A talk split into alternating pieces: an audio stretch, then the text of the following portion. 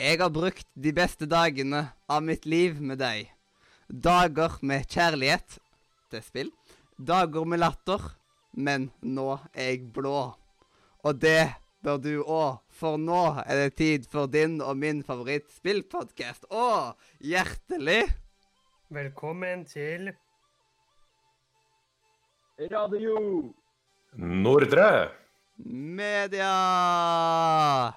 Og først og fremst så må vi introdusere han som er medskyldig, eller delaktig. Eh, det som er best av de to. For at eh, jeg har hardcore gamer Sims 4 de siste, den siste uka. Borgeren min hadde aldri blitt så bra uten deg. Robin Kjernsmo. Woho, hei, hei. Øy, øy, øy. Så fort som han kommer i karantene, benytter jeg sjansen til å få snappa han med på sending. Forhåpentligvis eh, uten viruset som ikke skal nevnes. Lang, høy en. Erik. Takk for det. Fikk jo nå også eh, svar fra Helse Norge at eh, jeg er foreløpig koronanegativ, så da er jeg også er ferdig med hm? Ja, da er du også ferdig med karantene, ikke sant? Ja, da er jeg ferdig, så nå kan jeg drive og springe rundt i gatene som en uh, virksomhetsgjerning. Ja, så hvis noen vil dra, eh, dra hjem til Erik og råkline med han for, og slippe å tenke at de får korona, så bor han Og Det er ikke lov. Vi oppfordrer ikke til råklining med verken små uh, lobbene, lubne eller uh, høye uh, lange. Yes. En spesialsending er ikke komplett uten vår, vårt verdifulle medlem av The Upstairs Club. Forhåpentligvis ikke for opptatt med å sniffe sagmugg som han ah, stjal på dass. Simen Glatyboy Folkvord. Nei, forhåpentligvis ikke. Det, det får vi holde til andre for, forum og foraer enn eh, Radio Nordre. Yes. Og da er, bare, da er jeg veldig spent på om du egentlig tok den, den første referansen der. Hvis ikke, så kommer vi tilbake til det senere i sendinga. Der, eh, der er vi i gang, vet du. Det er liksom lyden for eh, Det er, det er liksom startskuddet på, når man ser på idrett, så har vi den der lyden der. Er, eh, der er podkasten satt, og panelet satt. Yes, det var meldingssonen min før. Eller jeg tror jeg faktisk har han som meldingssonen ennå, bare at jeg har aldri lyd på telefonen. Nei, enig. Jeg er helt enig med deg. Det er så forstyrrende å drive og høre på pling og rør og drit hele tiden, så Så jeg er alltid på Ja, lydløs. de varslene, får de folk kan, aldri eh, kontakt med meg, liksom. eh, På ja, helt telefon. Nei, den der følelsen av at det skal være tilgjengelighet, ja, den er jeg imot. Så jeg også er en vibrasjonens mann. ja, er det lov å si? Det er 2021, så vi satser på det. Åh. Yes, yes, yes. Åh. Ja, nå vi vi blitt smitta av nerdelandslaget på Er det lov å si? Ja, jeg ser det. OK. OK. Nå må vi bare puste godt og uh, fram og tilbake som at vi ikke må i respirator.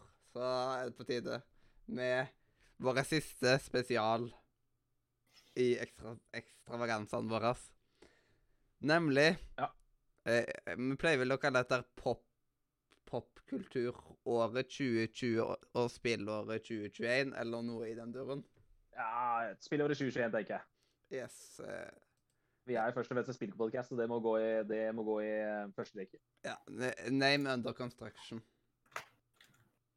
Eh, men jeg har eh, Men? Men vi har begynt i alle fall å kalle disse sendingene for Blikket mot Altså 2021. Ja, det er fint. Fordi- Det er veldig fint. Det, ja, det liker jeg. Yes. Men før vi går til 2021, så skal vi da ta for oss popkulturåret 2020. Ja. Og det var jo et eh, crazy popkulturår for oss som eh, på en måte er litt glad i popkultur. Da. Og vi fikk jo litt mer i tid inne enn vi kanskje hadde trodd på forhånd. Mm. Pga. diverse ting som spredde seg fra Kina osv. Så, videre. så eh, kanskje vi rett og slett bare skal hoppe i det og gå gjennom eh, vårt personlige film- og serieår 2020. Yes. Det kan vi jo gjerne gjøre. Em, skal vi ta og starte med serier, da?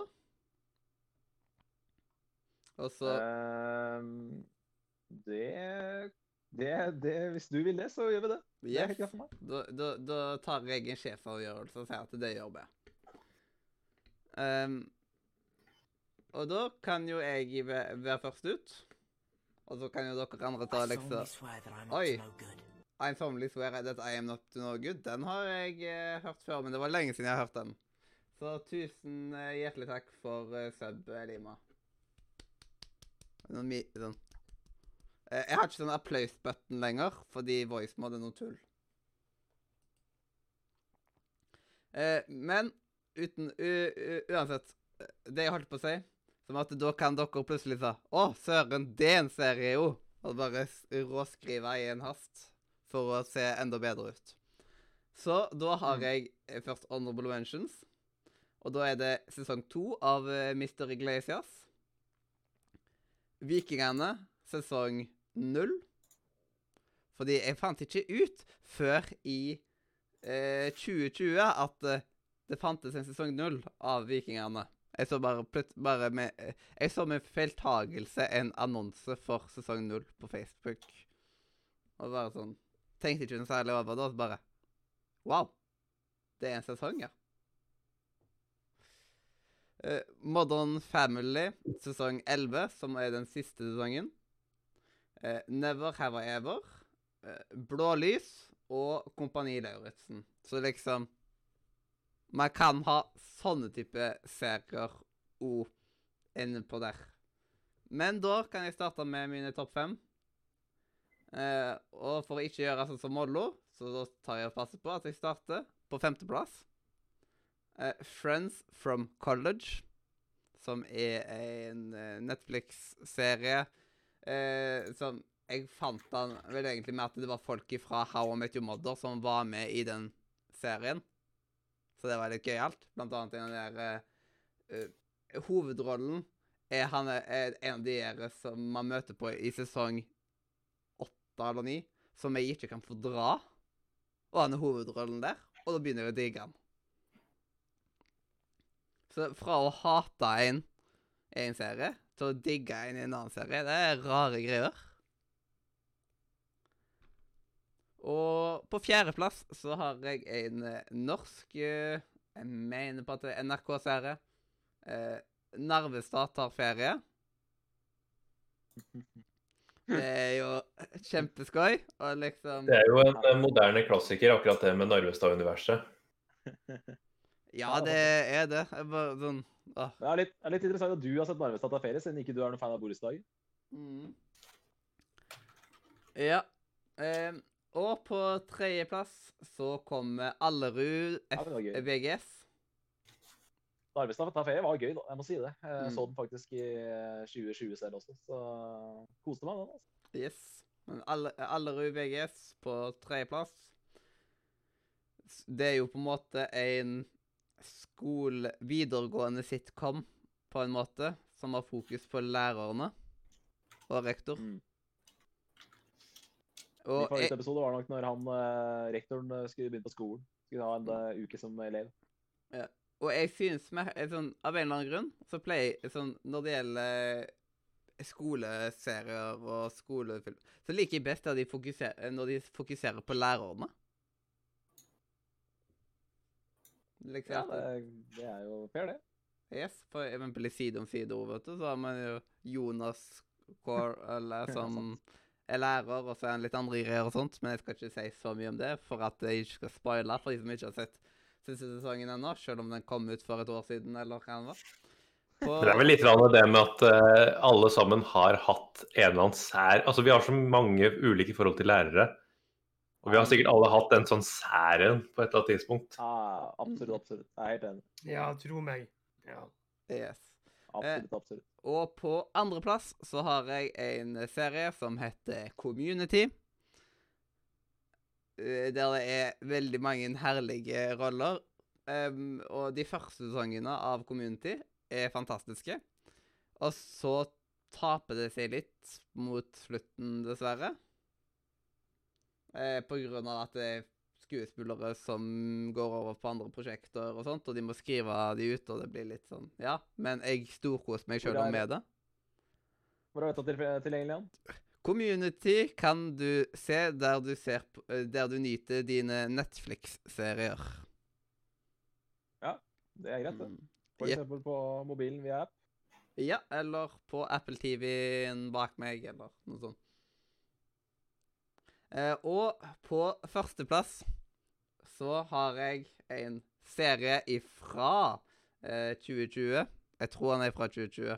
Den ble vist på TV første gang i 2020. Så rart Ja. om det ikke Men det er da Farfar. Som med Sven Nordin i hovedrollen, som er en av mine favorittskuespillere of all time. Og jeg tok meg med å se han i en ny rolle igjen. Jeg husker at det gikk noen annonser på den. eh, og jeg var egentlig veldig nysgjerrig, og så har jeg glemt at den har eksistert. Så den skal jeg kanskje plukke opp. Mm. Ja, for da kan vel du, Mathias, si hvor du kan se farfar hen? Ja. Eh, jeg tok det jo opp på Altibox. Så, men det er TV Norge han gikk på, sant? Nei, det er TV 2. TV 2. Nei, nei, nei. nei. jeg får opp eh, TV2 Sumo som kilde nå. Ja. TV 2 Sumo har Ja skremmende mye. absolutt. Mm. Og dessverre så har jeg ikke TV2 Sumo, men jeg har uh, Men da det er greit å ha sånne opptaksmuligheter. Det er ikke, så vanskelig å eh, skaffe seg hvis du har lyst på det, da. Nei, jeg har heldigvis en venn som jeg snylte litt på med TV2 Sumo, så takk skal du ha.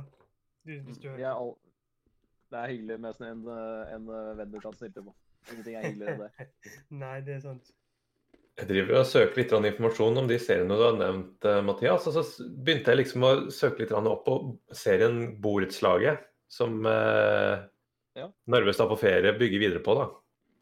Så innser jeg nå at uh, det som er det fiktive borettslaget, borettslaget Tertitten uh, Jeg bor faktisk ganske nærme det, ser jeg nå.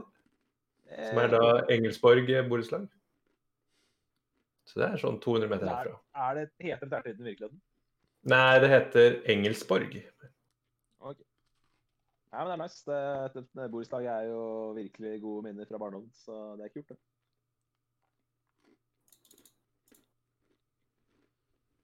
Skal jeg eh, få ta mine? Jeg, eh, jeg har den lengste lista, så jeg tror jeg skal dele min liste i to. Så da tar jeg nå, og så tar jeg til slutt også. Ja, vil du bare ta din først? Det skal jeg bare pløye gjennom Ja. mine.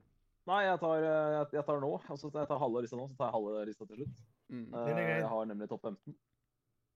Uh, nei, det var uh, 2020 var jo et enormt TV-serieår for meg. Jeg så en eh, 60-70 seriesesonger, avhengig av hvordan man regner. Det er jo litt, eh, litt forskjell på hvordan man regner. Eh, så da begynner vi på 15.-plassen. Uh, jeg kan ta kjapt et par skandinaviske serier som eh, måtte så vidt utafor.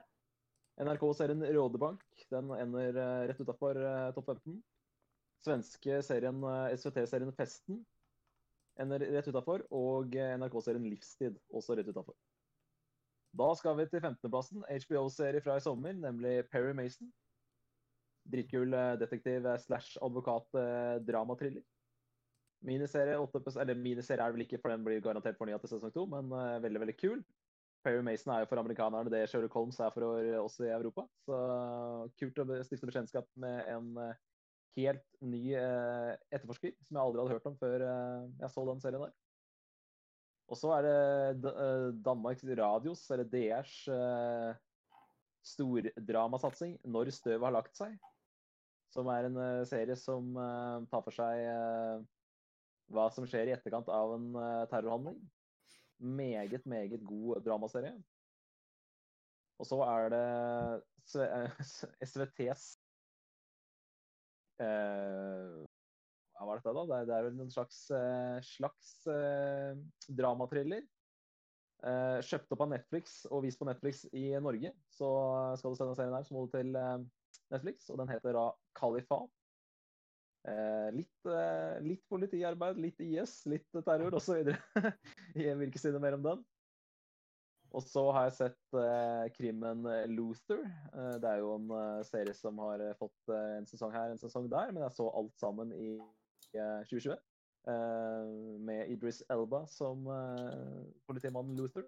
Den var konge. Litt sånn eh, slow de første to-tre episodene, men når det tok seg opp, så tok det seg veldig veldig opp. Og hele greia ligger på Netflix, så det er bare å kose seg for dem som er glad i britisk krim.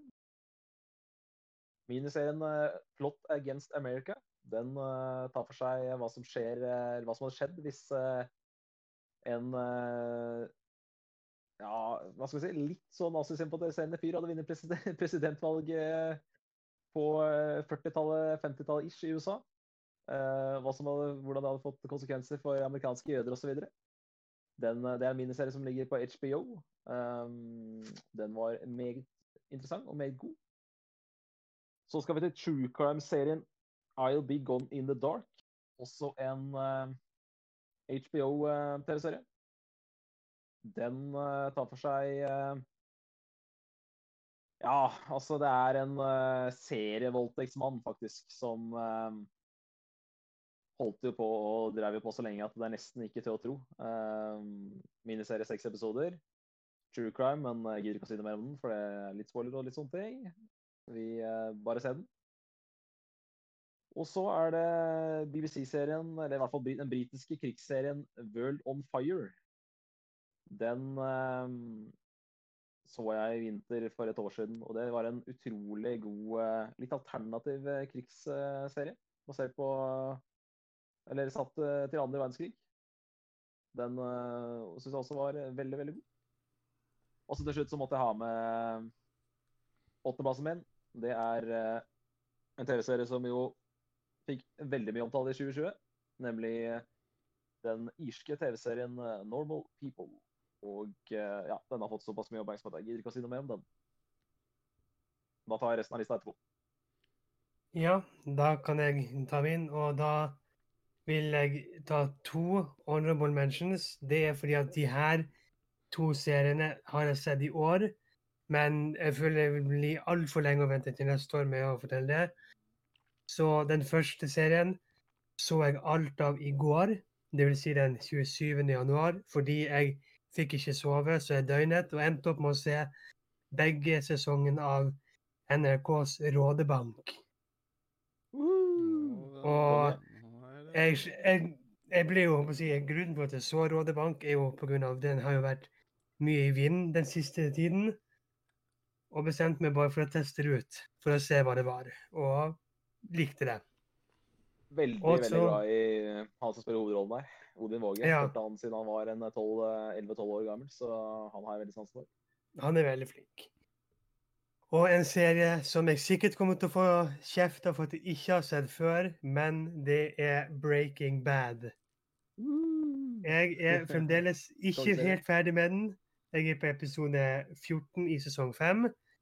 Uh. Så um, det nærmer seg slutten, men der har du sånn som Mathias sa, med å mislike en karakter i en, annen, i en serie, men elske han i en annen. For hovedrollen, eh, Bryan Cranston, spiller jo i How I Met Your Mother som en ufyselig douchebag. Og her er han jo også en ufyselig douchebag, men på en helt annen og elskverdig måte. Merkelig hvordan alle de liksom, er folk man hater i How I Met Your Mother, som blir sånn her uh, likende i andre serier. Brian, Ja. Brian Cranston spiller for øvrig også i en av mine favorittfilmer, filmen Drive fra 2011. Oh, stilig. Den skal jeg få sjekket ut, da. For jeg har fått veldig Eh, sansen for han. Jeg, vil, jeg vil faktisk driste meg til å si at du har kanskje de tre beste episodene igjen. Ja, OK. Da Jeg skal se litt videre i kveld, så det blir spennende å se. Det er en veldig god serie, og jeg så den også for første gang i 2019, så den har holdt seg egentlig veldig bra. Ja, OK. Eh, men jeg har ingen sånn spesiell rekkefølge på de seriene som jeg har sett i 2020. Så vi kan begynne med sesong to eller sesong én, avhengig helt av hvordan du ser på det. Med tanke på at det kommer jo bare sånn eh, prøveepisoder av det her. Men for meg så er jo det andre sesong av Førstegangstjenesten, som eh, du kan se på NRK. er det ikke spesielt uh, Skum, Skummaker Andersen uh, gjorde Skummaker 8-referansen. Ja, det var jo sånn som jeg nevnte i den ranten min. Det var ikke der jeg tok det fra, men det er jo morsomt at de tok det opp i NRK som en faktisk greie. Absolutt. Og så har du jo da TV 2-serien Farfar. En farfar i livet skulle alle ha. Og en annen serie som jeg så i 2020, er da eh, Dexter. Seriemorderen ja. som Ja, så, se, hvor så det da? Så du alt? Der så jeg alt. Såpass? ja. Så det er jo da du, er, du er en binsjer med fem sesonger Breaking Bad og to sesonger uh, Rådebank på et døgn og åtte Ja. sesonger med Dexter. Det har blitt mye binging i 2020. Ja, Og for de som ikke vet hva Dexter er, det er jo seriemorderen som også jobber i politiet i Miami. Ja, kult. Og øverst, ikke nødvendigvis på en førsteplass, men øverst så har vi da eh, sesong fire, eller del fire, av den spanske eh, Netflix-serien La Casa di Papel, eller Money Heist, som Eller heter på Heist, eller det norske tittelen, Papirhuset. som, som ikke er catchy i det hele tatt. Papirhuset. Men jeg, men jeg er spent på siste sesong, som forhåpentligvis kommer i år. Men med Mm. korona og sånn, så må vi nok sikkert vente til neste år. Til den avsluttende ja, delen. Ja, med tanke på at det er Spania som produserer det her, så, så er det mer enn nok korona i Spania til å utsette produksjonen av en sånn type kvalitet. Ja, det nok, helt. Dessverre. Men det var min liste. binget fire sesonger med den serien der i 2020. Mm. Da antar jeg at jeg tar over stafettpinnen. Gjør det. Og eh, ja Når jeg driver og ser på serier, så er det jo primært egentlig for underholdning under måltider. Uh, og så har jeg Du er en, du er en sånn eh, seriespiser? Spiseserier? Ja, ikke at jeg spiser mengder av serier, men, uh, men det er noe som er trivelig å ha til måltidene. Så du er ikke Altså- som meg som sluker en sesong eller to på en kveld? Nei, det har, det har ikke jeg tida til, dessverre, til å gjøre det lenger. Uh, Førstegangstjenesten er bra spiseserie. Ja, det- Ja. Så um, lista mi bærer mye preg av korte serier, og også av serier på uh, lett tilgjengelige kilder. Ja. Eh, så da kan jeg egentlig begynne da med Jeg har satt nederst på min liste uh, sesong null av eh, Vikingene på eh, NRK. Beste sesongen. Beste sesongen. Kanon. Det, Det altså, navn, navngivninga var kanskje ikke det beste, men, uh, Jo, jo, jo, innholdet er. Men navngivninga er god. Innholdet er god. Nå har ikke jeg sett Vikingene, så jeg kan ikke si noe. Har du ikke sett noe av. Vikingene? For da, da har du veldig mye skøy i vente. Eh, Elsker serien, elsker sesongen, elsker navnet, og etter min mening best sesong tre, slash, eller egentlig da sesong null, beste serie, beste sesong. eh, jeg så jeg tror jeg så en halv episode med eksen min, og vi begge syntes det var litt sånn kleint. Nei, nei, nei, jeg må starte på sesong null da, i hvert fall. Se den beste sesongen. Ja, for det er det gode spørsmålet. Skal man begynne på sesong 1-2-0, eller skal man ta 0-1-2? Eh, jeg, Hvis vi skal binge, så vil jeg starte, starte på sesong 0. Hvis jeg skal binge. Hvis jeg Ja. skal ta det over litt lengre tid, så hadde jeg starta på sesong 1. ja. Eh, sånn at eh, I form av at hvis man bare vil ha historien etter hverandre, så er det jo stiligast med Neste gang jeg skal se gjennom Vikingene Jeg kommer sikkert til å rewatche en gang. Så starter jeg på sesong 0, og så blir det én og to.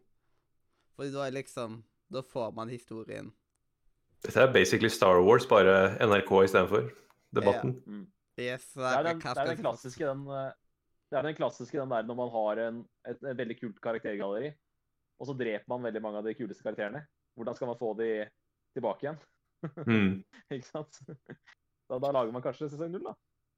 Yes, Så hva blir neste? Sesong minus én? For eksempel. Ja. Men det er liksom når, når det er sesong null, så vet man at OK, de kommer ikke til å dø uansett. Fordi dette her er før det som skjer. Ja, det er godt poeng. Ja, det er godt poeng. Så det er jo det negative. Nei, men det Nei, ja, ja, men altså, sånn er prequels. Det er jo, altså, Red Dead 2 har jo, er jo en prequel. Som, det er jo, hadde jo en del av de samme tingene. Det Ja. Altså, det hadde jo ikke overraska meg om de gikk enda lenger, lenger tilbake, sånn at du får den vikinghøvding-opplegget bare med barn istedenfor, og samme humoren. Ja, det hadde vært kult, det. Ja. Nei, men det er kongeserie. Den har jeg blitt skikkelig glad i sjæl, ass. Jeg, Jeg, eh, jeg eh, så sesong to og tre, for å si det sånn, i 2020. Og da ble jeg litt sånn der eh, Hvorfor har jeg ikke sett sesong to før? For det her er jo dritbra. Og eh, sesong, jeg syns sesong tre toppa alt, så kanon. Mm, Mm. det er fantastisk. Her. Fra en NRK-serie til en annen. Eh, vi skal også eh, tilbake til førstegangstjenesten, som eh, også er fantastisk Altså, produksjon. Et av mine favoritt-TV-øyeblikk i 2020 det er jo når uh, Ari Ketil eh, tar frem gunneren der, og eh, til musikken av 'Langemann lurer alle'. Da koste jeg meg mye. Ja. Og det, det, det som er så fint med den serien, er at du kjenner igjen de person, det persongalleriet fra mennesker i virkelig liv. Ja. Men Vi har er, jo alle opplevd han der som setter seg ut i skauen og ringer til Fedora, liksom. Det er jo klart, det. men, Nei, men Du vet om en slesken som er lat og eh, Men- driver og rir på penga til foreldra sine. men for, eh, sånn, Jeg har ikke sett førstegangstjenesten ennå. Men er førstegangstjenesten ba- liksom Er det reality, eller er det liksom eh, Det er Eh, humor. Det fiction. er, se for deg, eh, se for deg eh, borettslag, da. En, en, eh, en skuespiller har alle rollene. OK. Og det Ja. uh, OK. Uh, Du kan se på det som borettslaget i militærformat. Okay. Ja, er militæret. og ikke, og ikke dokumentarformatet, eller? Ja, det, det, det er jo det. Det, okay. det er dokumentar, ja. Ja, det. Ja, det er kanskje det Ja, går under. er- er- Get ready to be voiceless, da. Se for deg Get ready to- to Mm. be voiceless, bare at du setter det i militæret. Yes, uten all synginga. Og, det som er i hvert fall litt unikt for min del med, med førstegangstjenesten, det er jo at som regel i sånne serier der hvor det er flere persongallerier, så er det alltid én eller to du liker ekstra godt, og så er det noen som du syns bare er drit, som er egentlig sånn fyllstoff, og så er det noen som er helt sånn midt på tre. Men her syns jeg faktisk han har fått til det at alle karakterene er interessante og morsomme. Jeg syns eh, Tanja Laila bikker over for min del, men de alle Ja, der er jeg helt enig. Tanja Laila blir litt for mye. Ja, det er jeg helt enig. Men eh, jeg liker veldig godt at Mikkel Niva at han spiller på en måte seg selv, fordi han driver og prater om Pokémon-kort sånn i, i serien. Og han er jo så han er jo så sjukt nerd i virkeligheten. Han kunne jo hatt en svær Pokémon-kortsamling, han. Sånne ting syns jeg er veldig morsomt. da. Han har mest sannsynlig det. Ja, han har jo det, ikke sant? Det er akkurat det. Så det er liksom sånn, når han prater om det, så blir det liksom litt sånn ekstra morsomt, for det er uh, meta også, siden han er en så big ass nerd i virkeligheten. Men heter Mikkel Niva Mikkel Niva der, eller har han et annet navn? Han heter Nei, Lauritzen. nei, han Men jeg lar Men jeg vil si at hvis han, hvis han har hatt Pokémon-kort, så har han sikkert Ja. solgt det i disse I Pokémon-korttider. tider. I disse tider. Ja, disse Den er bra. Den er stor. Den er stor. Ja, det er disse er. Pokémon-korttider. Ja. Ja, den er stor. Den er stor. Mhm. Fra en NRK-serie til ikke en NRK-serie, men noe som NRK har sendt i løpet av jula. Eh, vi skal da til eh, det store Britannia og BBC sin serie 'Den nye dyrlegen'. Ja, det er, det er, sånn, den, det er sånn det er tittelen som fucker meg litt over. For det, hvem er den gamle dyrlegen? Altså, jeg blir sånn der, jeg blir sånn, Den nye dyrlegen? ok, Hvor er han gamle nå? Det er så, sånn, jeg blir bare så veldig nysgjerrig på den tittelen. Liksom. Hva, hva, hva er det? Hva, vet du hva originaltittelen på den serien er? Eh, det var det jeg også begynte å lure på nå, uten at jeg vet det. Er det. det The New Bet, liksom? Er det så enkelt som The New Bet? Sikkert ikke, for jeg ville tro at eh, Altså, NRK har alltid sånn behov for å ha rare oversettelser, som f.eks. med 'hjertet på rette staden'. Den er Ja, ofte klasse, den er klasse. Den er, den er klasse. Den er, den er høyt oppe. Og så har du politiagentene. Eh, vet du om det er en gammel serie? Altså, Den den er- er... Hjemmebane istedenfor hjemmebane, ikke sant? Den, eh, den nye dyrlegen den er relativt ny. Jeg vet ikke om den er 2020-ny, men eh, Altså, den er eh, nyere tid. Som du sier, da, TV står en del på i jula, så jeg fikk jo reklame for den der, der ganske mange ganger i løpet av jula. Jeg kødda med det hver kveld. At, hvem er han gamle dyrlegen? Altså, hva skjedde med den gamle dyrlegen? Trist. har slutta i jobben. Jeg har slutta i jobben. Ja, ja. Nei, men har du en igjen, eller? Eller var det siste? Eh, nei da. ehm, da har jeg nevnt tre stykken. Eh, da skal jeg fra en BBC-produksjon til en annen. Og Det er kanskje en litt mindre kjent serie som ikke har vært aktuell i år, men som har vært eh, noe, vi, noe jeg og samboeren min har lånt en DVD-samling på fra en kollega av henne. Og Det er da 'Death in Paradise'. Ai, ai, ai. Oi, oi. En serie jeg ikke har hørt om. Spennende, spennende. Og Death in Paradise, det er da vi, Jeg tror vi er i Karibien. Uh, der hvor en britisk, sånn erkebritisk uh, politibetjent, eller eh, inspector, uh, har blitt omplassert for å løse noen saker. Og møter jo da et helt annet samfunn som man ikke klarer å tilpasse seg i det hele tatt. Med varmt klima, veldig relaxed og eh, ja, miljø rundt seg som er langt unna det som er det stereotypiske The British Man. Uh, så løser de krim, eh, egentlig. Og er, det, det er en sånn serie der hvor jeg bruker faktisk genuint kjempelang tid på å finne ut av hvem som er morderen. Ja, er Så er det, det er en veldig fin serie. Veldig underholdende og lettbeint humor også i det. Hva er En- vel deiligere enn et skikkelig mordmysterium? Det er lite jeg liker, lite jeg liker bedre enn det. Jeg vil bare si, jeg fant på engelsk heter den nye dyrlegen All great, nei, all creatures great and small. Ja, da fikk vi bekrefta det Erik sa med den rare oversettelsen. Ja, Norge har en tendens til å gjøre det. Ja, fantastisk. Nei, men det er gøy. Var det veldig hele lista di, Erik? Eller? Nei, da er det på topp én, da.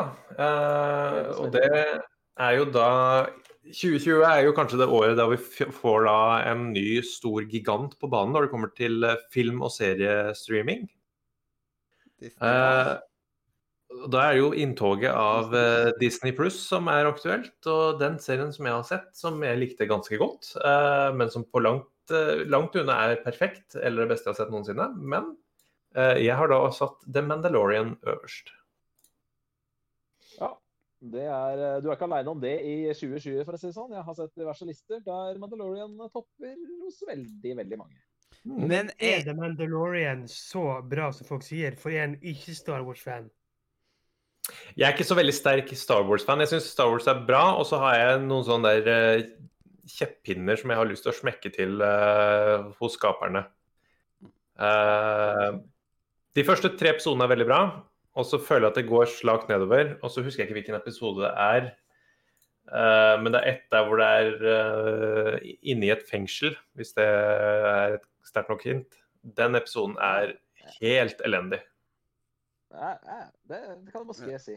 men en ting eh, som jeg begynte å tenke på her for litt siden, med at eh, når det kommer til, eh, til Radio Nordre sine topplister, både Goti og liksom yeah. personlige topplister og sånt, det er liksom Vi er Vi går så imot strømmen på veldig mye, liksom. Det er ikke sånn at vi bare basically presenterer en liste som typisk level up på nederlandslaget ville presentert. Vi har liksom veldig stor variasjon, liksom. Ja, det hadde vært veldig kjedelig om vi var helt like. da. Ja, og det er liksom jeg synes at det, ja, at for utenforstående som er med på en måte litt verre å liksom vite hva som egentlig har truffet oss. Ja, ja. Det- det- er- En, en liste skal være personlig, så Mm. jeg syns det er veldig godt tegn. Yes. Så er det jo fint å se at det er et spenn mellom Førstegangstjenesten og The Mandalorian òg. Mm. Ja, det er enig. Nei, men Det var jo veldig morsomt. Jeg det, jeg likte det veldig godt. Du hadde det liksom sånn, veldig sånn, det var, føltes veldig hjemmeskjært i starten her, men bare norske serier. Og så toppa du det med en eh, BBC-serie som jeg absolutt ikke har på radaren min, og da eh, 2020s kanskje mest omtalte eh, serie på, til slutt her. Ja. Mm. Eh, vil du ta og delvis avslutte, Simen, eller skal jeg ta Ja. Ja, siden Adria Jeg skal lese på Adrian sin liste etterpå. Ja, OK. Nei, men jeg kan godt ta først, det, altså. Ja. Det, det, det, nå, nå føler jeg meg klar her. Da er det altså mine syv favorittserier i 2020. Eh, på syvendeplass skal vi til Sverige. Eh, og en eh, jeg vil si en rein sånn spenningskrim. Eh, kanskje den beste spenningsserien jeg har sett fra Skandinavia noen gang. Eh, er det noe jeg er svak for, så er det politietterforskere som går undercover. Det er, det er en, et plott som funker for meg hver eneste gang. Og eh, denne serien her, den heter 'Innan vi dør'. Og sesong én handler om at en ung politimann på 25 år eh, han skal da infiltrere en eh, kroatisk eh, mafiafamilie. Og eh, det er bare så sjukt spennende å se på. Så den var utrolig god. Elska den serien der. Så den på sjuendeplassen min. På sjetteplass så skal vi til Netflix-serien 'Unbelievable'. Se for deg at du eh, blir eh, voldtatt. Det kommer en politimann på døra. Du forteller historien til han. Men så finner ikke han deg troverdig. Og så eh, blir du jo nesten anmeldt for falsk forklaring til politiet osv. Når det er på en måte det, du egentlig har gått gjennom eh, noe så eh, grotesk som en voldtekt. Og det er, det, det er tematikken i Unbelievable. Eh, knallbra dramaserie i åtte episoder, var det vel. Det ligger på Netflix. Og så skal vi fra voldtekt til eh, drap begått av barn. Eh, hvis du eh, Hvis du som et barn da, og begår et drap, så kan du ikke straffes. Eh, så da blir du mest sannsynlig sa- eh, soner som barnefengsel, og så blir du satt i et sånn vitnesbeskyttelsesprogram eh, i etterkant og får hemmelig identitet og sånne ting. Og den skotske TV-serien, miniserien The Victim, tar opp det temaet her.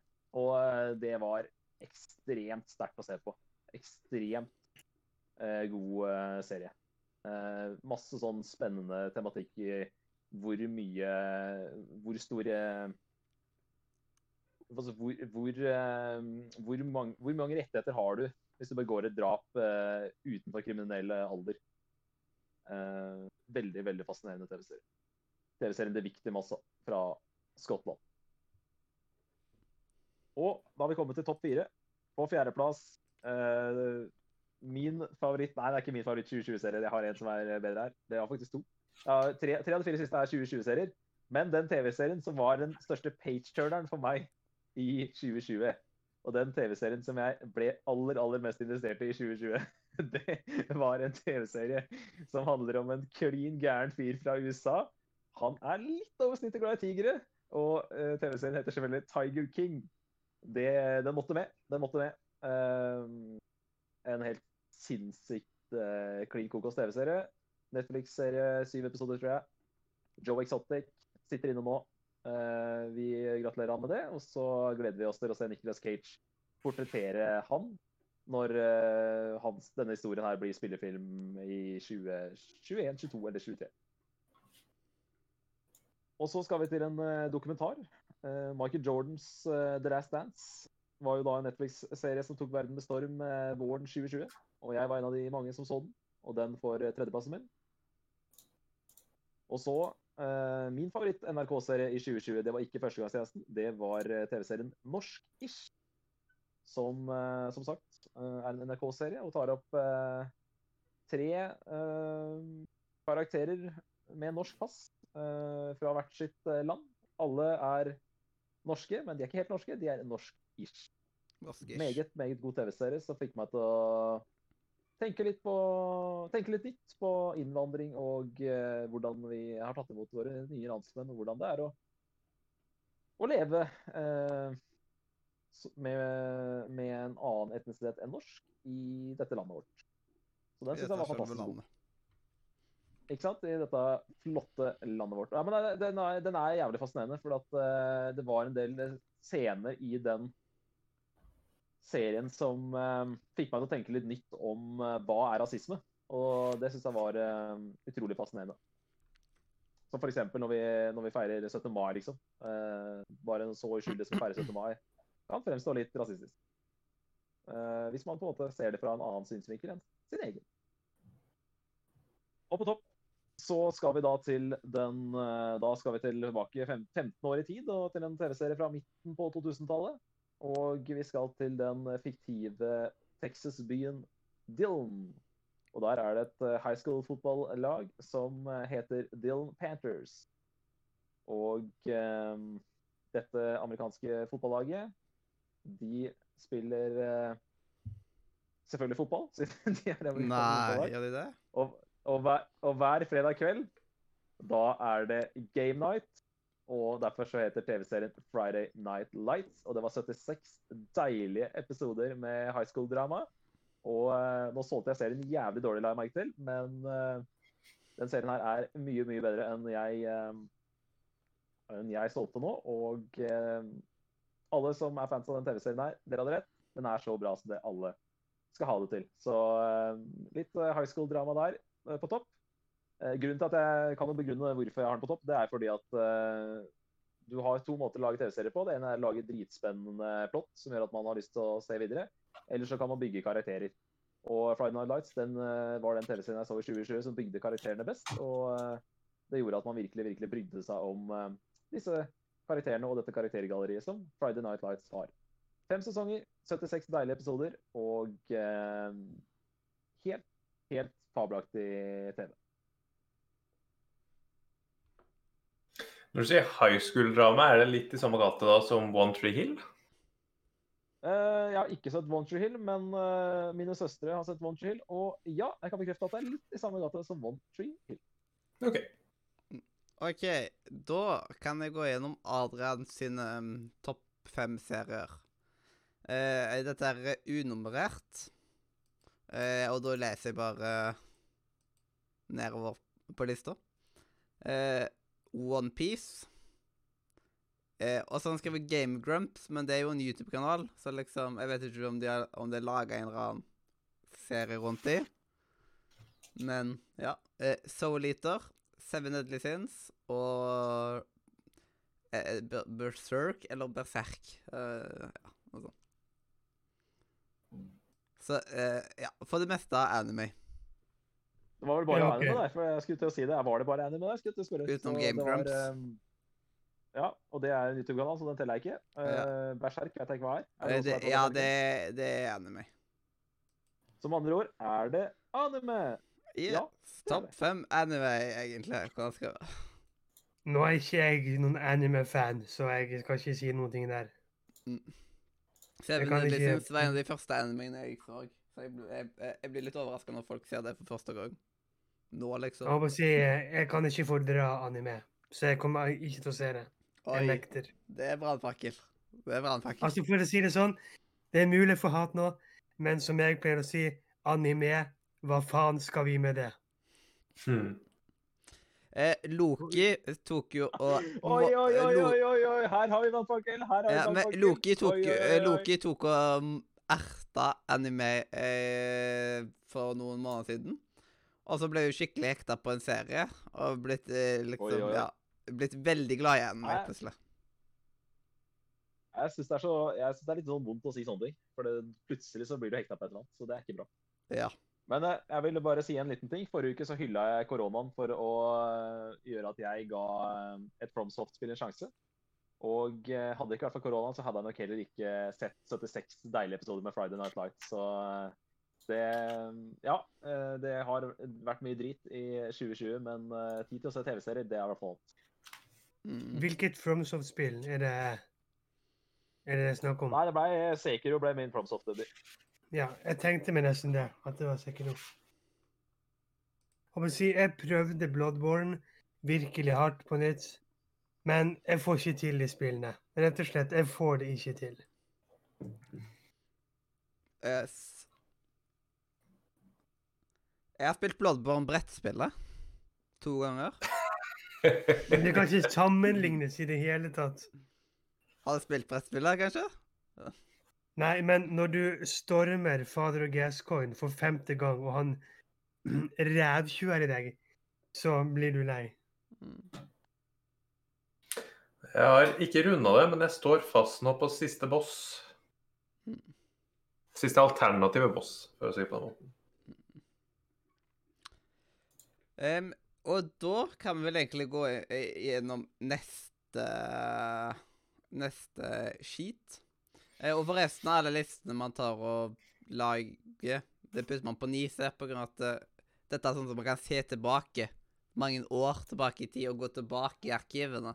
Når vi går gjennom bucketlister senere, eksempel, så kommer vi til å gå gjennom de av oss som har bucketlister fra tidligere, og gå gjennom de i tillegg. Jeg publiserer når jeg er ferdig med sendingen, istedenfor å spamme ned. Yes. Be eh, begge deler går. Eh, men eh, da kan vi vel egentlig gå videre på topp fem filmer. Og eh, skal jeg ta en frekk en og bare gjøre det Gjøre det nå? Du kan begynne med Adrian sine, kanskje. Eh, han har ikke noe på filmer, Nei, OK. men det er sikkert en med filmer. Ja, det det var derfor jeg tenkte bare Få det unnagjort! Eh, da, vet du hva, da gjør jeg det. Um, så mine topp fem filmer. Uh, og jeg har honorable mentions her òg. På honorable mentions så har jeg Burning 3. Jeg har uh, Big Hero 6, Frozen 2 og Sept. Det var min honorable mention. Og nå er kanskje Simen overraska over at jeg ikke har Burning 3 på topp 5. Jeg tar, stille, jeg tar stillheten som et ja. Uh, så da eh, femteplass så har jeg eh, er, det, er det Disney eller Pixar? Eh, Bolt. Det er Disney, tror jeg. Ja. Disney og Pixar-filmene går litt sånn inn i hverandre, på en måte. hva som Ja, det er, det er Disney samme faen. Yes. Og så eh, Jeg så jo faktisk hun eh, Jeg har ikke skrevet opp på lista her nå, men liksom noe jeg så rett over, rett over nyttår, var Soul. Den har ikke jeg sett ennå, dessverre. Ja. Men den var bra, og litt mer voksen enn andre eh, Disney-filmer. Men fjerdeplassen går rett og slett til Gledelig jul. Mm. Og så tredjeplassen går til filmen som var rett før nedstengingen av Norge, Sonic the Hedgehog, som jeg ble veldig positivt overraska over. Og på andreplass så finner vi oppfølgeren til en eh, Radio Nordre Media-favoritt, nemlig da Christmas Chronicles 2. Så eh, to av filmene jeg har nevnt på topp fem-lista nå, er julefilmer. Det er litt komisk. Og på toppen så kroner Get Ready to be Voice Voiced. Mm. Yes. Ja, håper jeg kan ta mine filmer. Eh, her er jeg litt usikker. Her svikter hukommelsen min litt. Om jeg så de i slutten av 2019 eller i starten av 2020. Men jeg nevner de likevel. Jeg har sett mesteparten av de danske Olsenbanden-filmene for første gang. Mye fordi å se hvordan det blir gjort i, i Danmark, og fordi det er jo noen av de filmene som er annerledes i forhold til de som vi har i, i, i Norge, da. Så det ble på en måte å se nye Olsenband-filmer. Um, og så har jeg tre andre.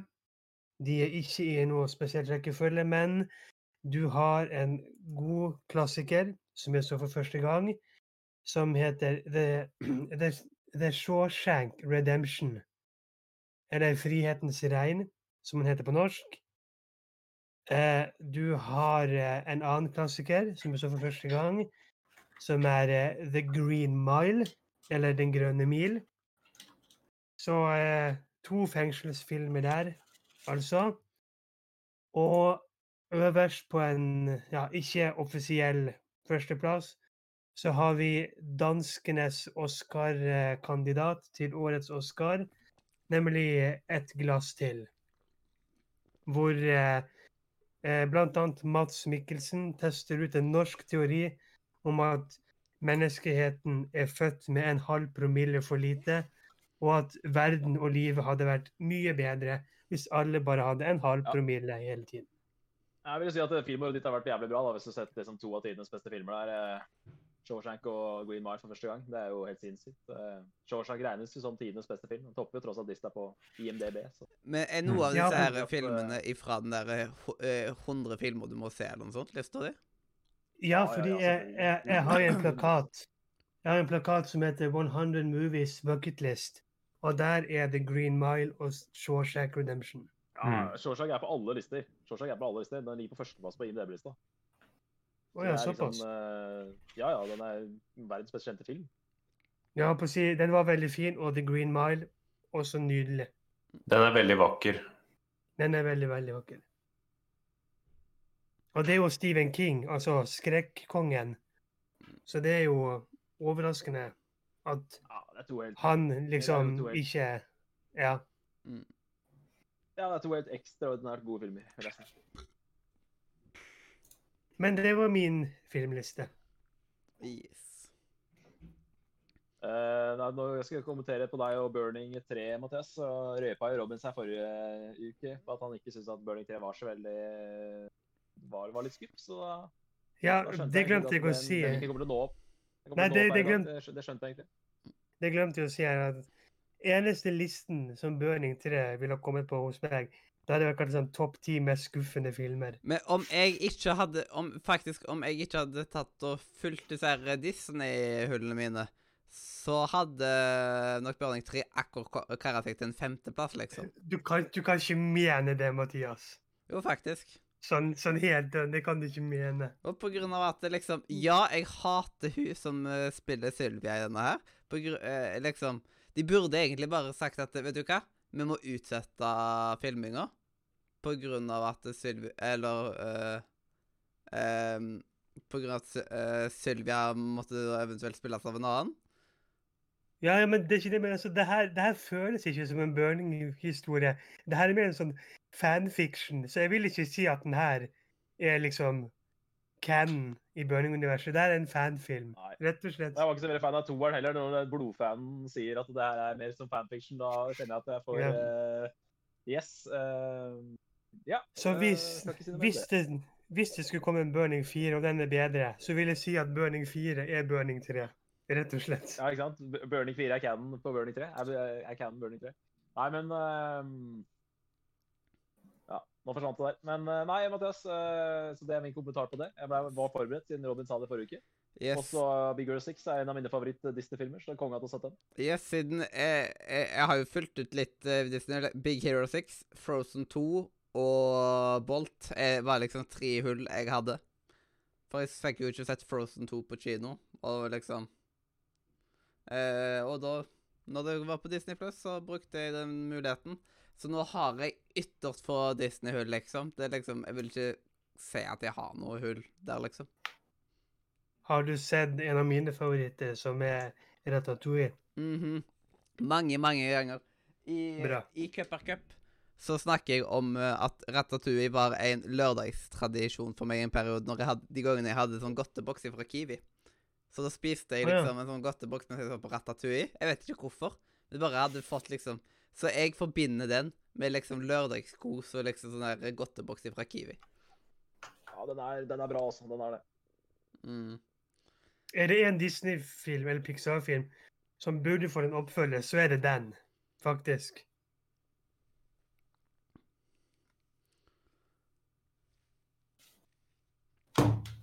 Um, er, sånn Erik, Ja. du eh, fem. ja. Uh, I fritida mi så bruker jeg jo mye tid på videospill og serier. Og er det noe som jeg egentlig er ganske dårlig på, så er det det å se på film. Uh, så lista mi bærer preg av at jeg ser film med andre. eh, kanskje noen som er en del yngre enn meg. Eh, og så er det også en snev av nostalgi i lista mi også. Ja. Men vi kan jo begynne med Jeg vil bare si først, før noen eh, begynner å tro noe, at er, er, Erik han er lærer på barneskolen. Det er ikke at han er, liksom inviterer unger hjem til seg for å se på film med han. Det er litt pga. jobben min, og også litt pga. Uh, av familie til eh, samboeren min også, som Mm. har småsøsken på barneskolealder. Men uh, i løpet av uh, ja, 2020 så har jeg fått tetta en del spillhull, og et av de hullene var jo da Shadow of Mordor. Eh, som også igjen leder meg til at eh, ja, nå som jeg er ferdig med det spillet, kanskje jeg skal plukke opp 'Ringenes herre' igjen. Og så eh, pleier jeg som regel en gang i året sånn cirka å se på den trilogien. Og så for første gang på veldig lenge så plukker jeg også opp da på min femteplass 'Hobbiten'. Som var et hyggelig gjensyn på en god, god stund. Jeg tror ikke jeg har sett den siden den gikk på kino. Uh, hopper videre da til uh, film jeg har sett på jobb. Eh, jeg jobber jo da har på. Mm.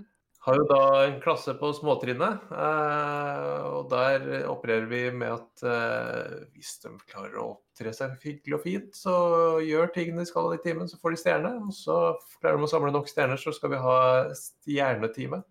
Yes, men de er Eh. ikke gamle nok til å se på Harry Potter, dessverre. Nei, de er ikke det. Så det som ble da satt på, var da Keiserens nye stil. Mm. Mm. Som også var en hyggelig gjensyn å få, få møtt på. Mm. Uh, flytter oss videre til gamle klassikere. Vi skal da nå til uh, Spørsmål om uh, din fjerdeplass. Er Ja. det samme film som et kongerike fra Lama, eller er, eller er det en annen film? Kongerike Jo, for det en er 'Kongerike for en lama. Er er det to titler på den, eller er det bare jeg som Ja, har feil titler? Ja, serien det- serien heter jo New School, mens New Nei, men det er er et kongerike for en lama. Men det er jo også Ja. fordi at uh, toeren heter jo Krongs nye stil på norsk. Ja. Og derfor så Ah. byttet de navn til Keiserens nye stil etter det. Jeg ser nå at det er noe som heter Keiserens nye stil med undertittelen 'Et kongerike for en lama', men det er 'Et kongerike for en lama' som er den aktuelle filmen fra år Det 2000. er, det er det. Når den kom ut, så het den 'Kongeriket for en lama', så kanskje DVD-versjonen og sånn seinere. Ja, det blir liksom Kamis Kami med dit-greiene. Men jeg, bare skulle, jeg skulle bare sjekke om jeg hadde misforstått, så da greit, da er det den filmen jeg tenkte på at du har sett. Veldig bra. En god gammel klassiker fra år 2000. Ja, konge. Eh, videre da til tredjeplassen. Vi skal da til eh, Jeg tror det er Japan. Noen får arrestere meg hvis det er feil eh, plass vi skal til nå. Vi skal da til eh, Studio Ghibli med Chihiro og heksene. Ja, det Det Ja, det jeg skulle til å si at jeg, jeg skal jo veldig til Japan, men jeg er jo ikke 100 sikker sjøl, så jeg skal ikke si noe på det. Uh, og det er jo da også tittelen 'Spirited Away', da, på engelsk. Jeg var jo på Ja, sånn Studio ja. Ghibli-museet i 2019, Da jeg var i Tokyo. og da, De er deilige, de. så da fikk Den, jeg med eh, meg billettaktige greier og sånn som var veldig stilig. Den Spirited Away, den er faktisk på den bucketlisten som jeg har. Oi, oi, oi, så du må se noe anime? Jeg må se noe anime og Ja. Spar den til sist. Ja. Jeg likte den um, Jeg likte den um, Ja, nå skal, jeg, ikke- nå skal jeg ikke røre. Men uh, greit. Uh, konge Erik. Ja, kan jo bare gi en kort kommentar på at de, den filmen er ikke veldig anime. Hvis det, hvis det gir mening, da. Nei, jeg jeg, Eh, jeg enig. Og så på de to øverste plassene så skal vi da igjen tilbake til uh, vår nye kjempe innenfor streamingtjenester. Vi skal da til uh, Disney Plus, uh, der vi har Plus. noen hull. Og på andreplass så har jeg da i løpet av høsten fått uh, sett av Frozen 2. Hva jeg ser? Du også, ja. Yes. Se der, se der. Er For en som ikke har sett uh, Altså, jeg, jeg har ikke sett Frozen 2 ennå. Er den verdt å se? Uh, Han har den på andreplass, så det burde vel sies. Jeg har den på andreplass, og jeg vil jo si at jeg, jeg, jeg syns jo egentlig det er ganske hyggelig og koselig å se på det jeg vil kalle for familiefilmer eller barnefamiliefilmer. Mm. Uh, så sånn sett så ville jeg sagt ja, hvis du syns den sjangeren er, eh, er trivelig å se på. Det er jo hyggelig med filmer som er satt i Norge, da. Det, det trekker jo alltid. Ja, ja, ja, ja. Så jeg synes Du bør se den for å ha sett den. Men hva vil jeg sjøl Jeg kommer nok ikke til å se den veldig mange ganger igjen. liksom det Eventuelt hvis jeg ser den med noen folk. At jeg kommer til å se den igjen. liksom Jeg har bare sett Frozen 1 én gang, liksom. Mm. Ja, jeg har også bare sett Frozen 1 en gang, jeg tror også jeg kommer til å stoppe med å se Frozen 2 med en gang òg. Mm. OK. Men se den for å ha Så- sett den. Ja, får den, ja. men det er ikke noe du kommer til å se årlig. Ja, i, I Disney så er liksom mange filmer er for å tette hull, liksom. At de ikke vil ha Disney-hull.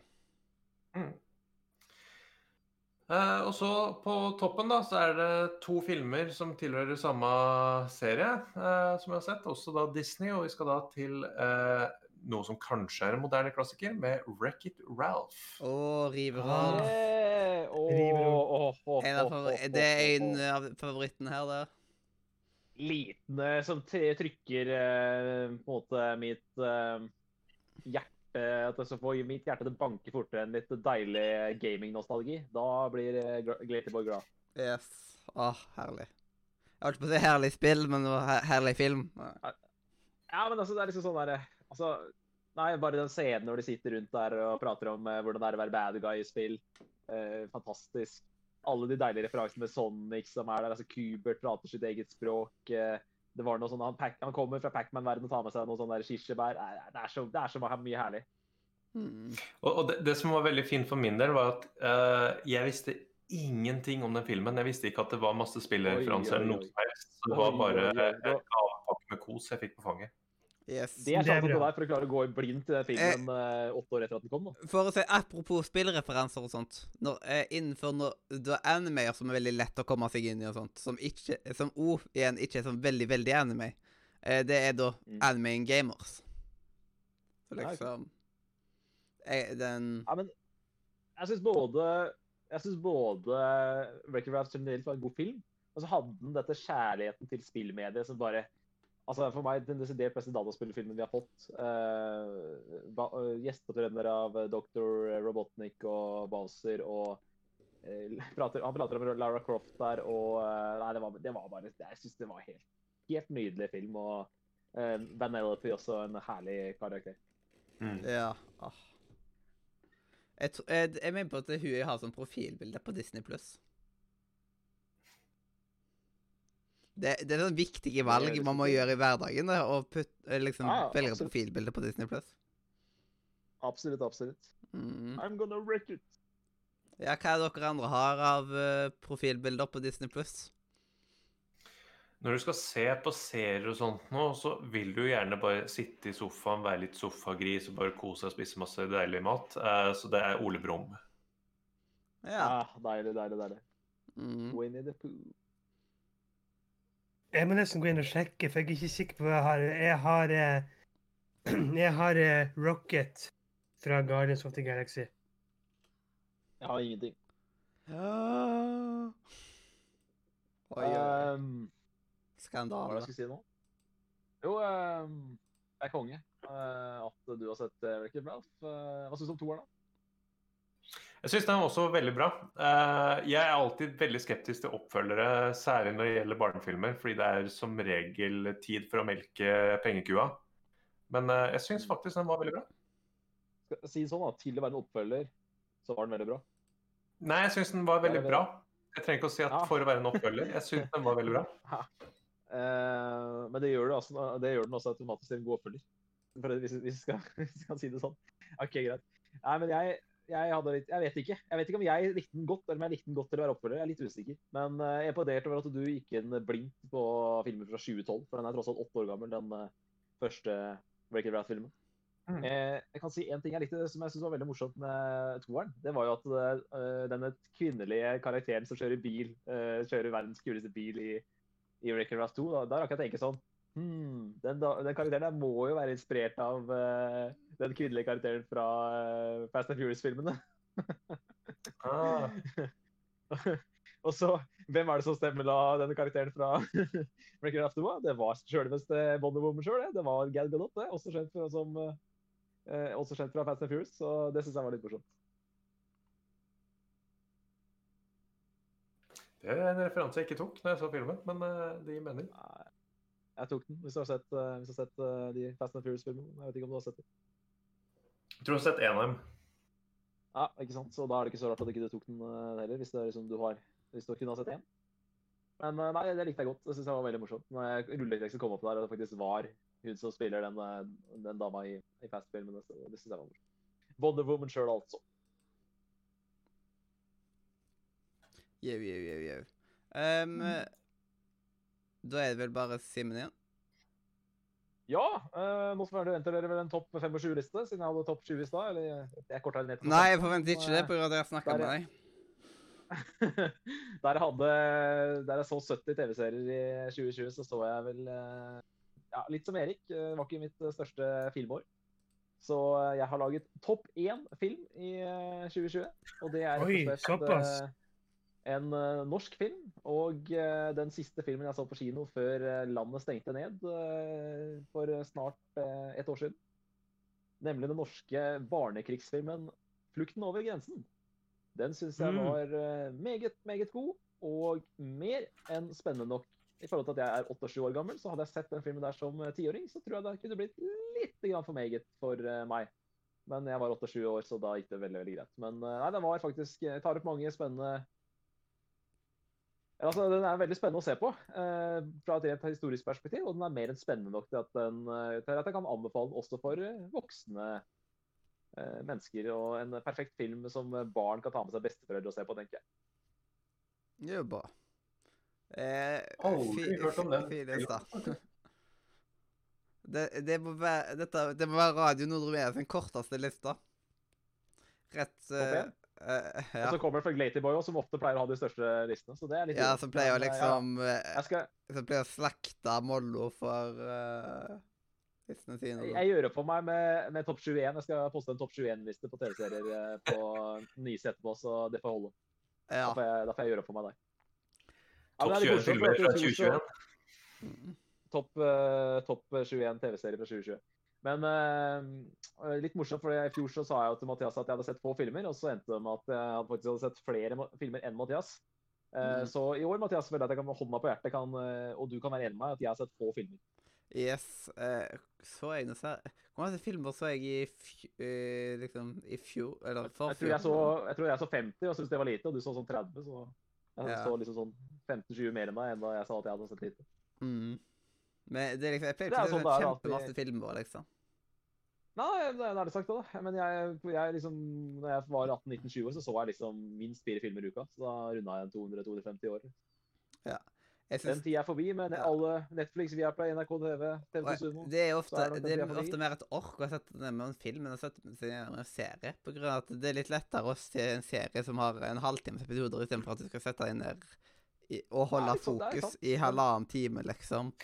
Ja, Men men hvis når du, er, Nei, når du har en først. sånn, eh, når du har en sånn topp 100 to watch-liste som eh, Robin sitter med der, så er det jo veldig lett å motivere seg til å se film òg. Ja. Ja, men altså, jeg har merket at jeg er mye mer sånn for å se TV-serier enn å sette meg ned med en film. Det er jo utrolig rart. Sånn som Jeg så jo syv timer med Rådebank rett etter hverandre. Men å se en film på en og en halv time, nei, det gidder jeg ikke, liksom. For meg så, så vi, jeg, hvis jeg tenker at å, for eksempel, Nå sitter på toget, bør vel ha en eller annen film da. Da blir det Harry Potter. Det er liksom Ja, sant. Det tror jeg på at du er. Jeg tror på at du er sånn en. Yes, jeg har sett Harry Potter en del ganger i løpet av året, liksom. Som har gått. På togturer her og der. Nei, sier du det? Det var jo bomba at du har gjort det. Mhm. Ja, jeg skulle aldri tro. Og så liksom, når jeg dro hjem til jul, så så jeg jo selvsagt Polarekspressen på toget. Det måtte jeg jo. Det er liksom Ja, den er Hmm. fin. Den er fin. hmm. Den, eh, den eh, Ja, ja. Det, der er du god. Jeg liker liksom Ja, ja. at jeg, Nei, men, uh, Når jeg tar fly, for når jeg flyr, så ser jeg på luftens helter. Så, så em, gamle der, tenk, er, er, det da, er det da den gamle NRK-serien med Trond Kirkevåg? Ja. Så uh, Mathias, hvis du skal ta båt, sånn type danskebåten, eller en Titanic. gang en Ja, Titanic, eller jeg tenkte Olsemann junior går under vann. Åh, det er creepy, da. Nei, Det er liksom eh, På båt så pleier jeg ikke å se på film noe særlig. Wow, OK.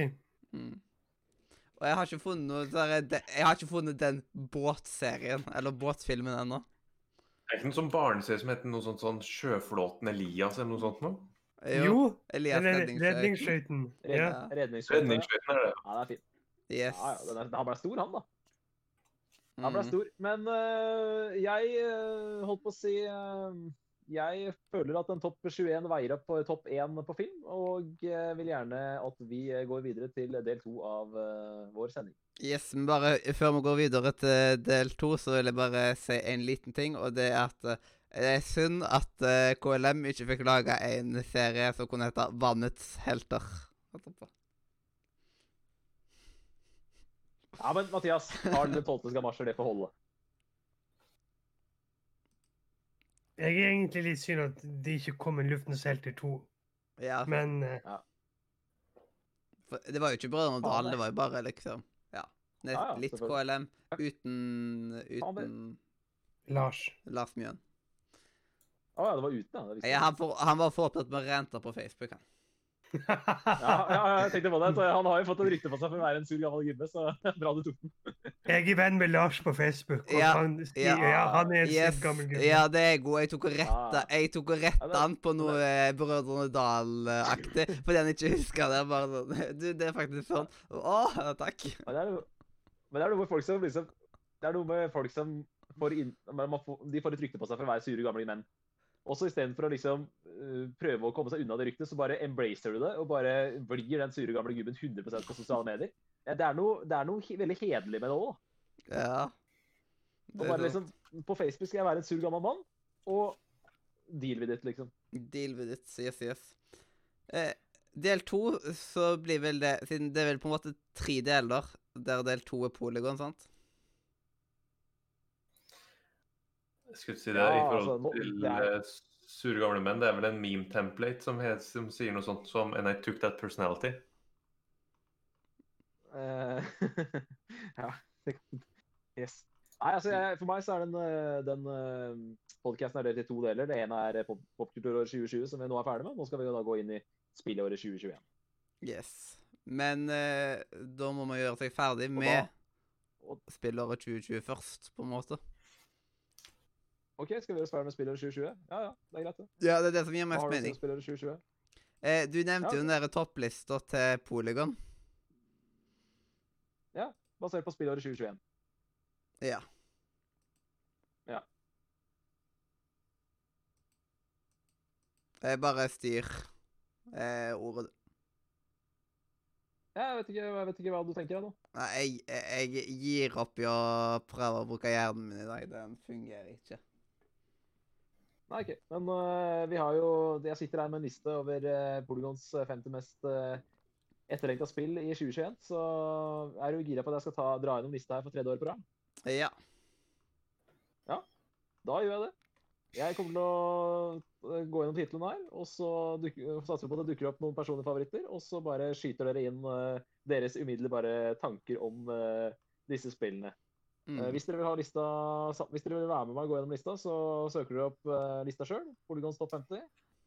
Eller går inn på Radio Nordre Media sin eh, Facebook-chat. Første spiller ut, Back for Blood. Aldri hørt om. Tanker? Nei. Ma. Nei, dette er noe sånn Left for Dead eh, Ja, jeg tenkte med en gang Er det, er det en oppfølger til Ja. Left 4 Dead? Tenkte jeg liksom Ja, det er akkurat det der. eh, Det, jeg tror det er teamet. Ja, det er sant. Jeg tror du treffer spikeren. Jeg tror du treffer spikeren så mye som det går å treffe den spikeren, Andreas. Vet du hva, nå, tror, jeg hus, nå husker jeg Siden det blir jo vist under noen vader rundt, og roterer E3-reservetidene, vet du? Ja, ja, det, stemmer Der var liksom Ja, at Å, hva blir dette her? Og så bare Å, Back for Blood, of course. Ja, det tror du, ja, det, det, du har helt sikkert rett i det, men jeg husker det ikke fra i sommer, men du gjør det altså det. Yes. Jeg har ikke noe mer å si om det. Mm. Et spill som eh, er på min eh, Eller jeg, et spill jeg har begynt å glede meg til nå, etter å ha gått gjennom lista, det er Balan Wonder World. Jeg er jo eh, Etter at eh, Mario, den derre 3D-remake-pakka til Mario, 3D Allstars-pakka til Mario kom i fjor sommer, så er jeg jo litt sånn eh, veldig, veldig sulten på nye 3D-plattformeventyr. Så det her ser eh, meget interessant ut. Mm. Bravely Default 2. Noen som har spilt Bravely Default 1? Njet. Da tolker jeg den stillheten som at ingen av oss er noe gærent på Bravely Default 2. Nei, det er jo en ærlig sak. Ja, men det er en ærlig sak. Det kan ikke være det er litt for mange JRPGs og litt for lange JRPGs der ute at vi kan spille alt, så det er greit nok, det. Eh, Vi Ja. spiller ikke Bravely Default 2. Chorus, eller Chorus, eller hva faen tittelen her er for noe, den eh, kommer til PlayStation og Xbox, og eh, ja, jeg må innrømme at dette er en tittel som ikke står ut sånn veldig for meg. Jeg vet ikke, hva sier dere? Nei, Aldri sånn. hørt snakk om det, må jeg innrømme. Jeg har sikkert sett noen trailere på det spillet der uten å huske det. Se på traileren. det neste spillet på lista. Det gjør det, ja. Neste spill Eh. på lista det er et spill fra Arcane Studios. Det heter Deathloop. Og jeg må innrømme at eh, alt jeg har sett av det spillet der, det har gjort meg supergira. Det spillet der syns jeg ser ekstremt lovende ut.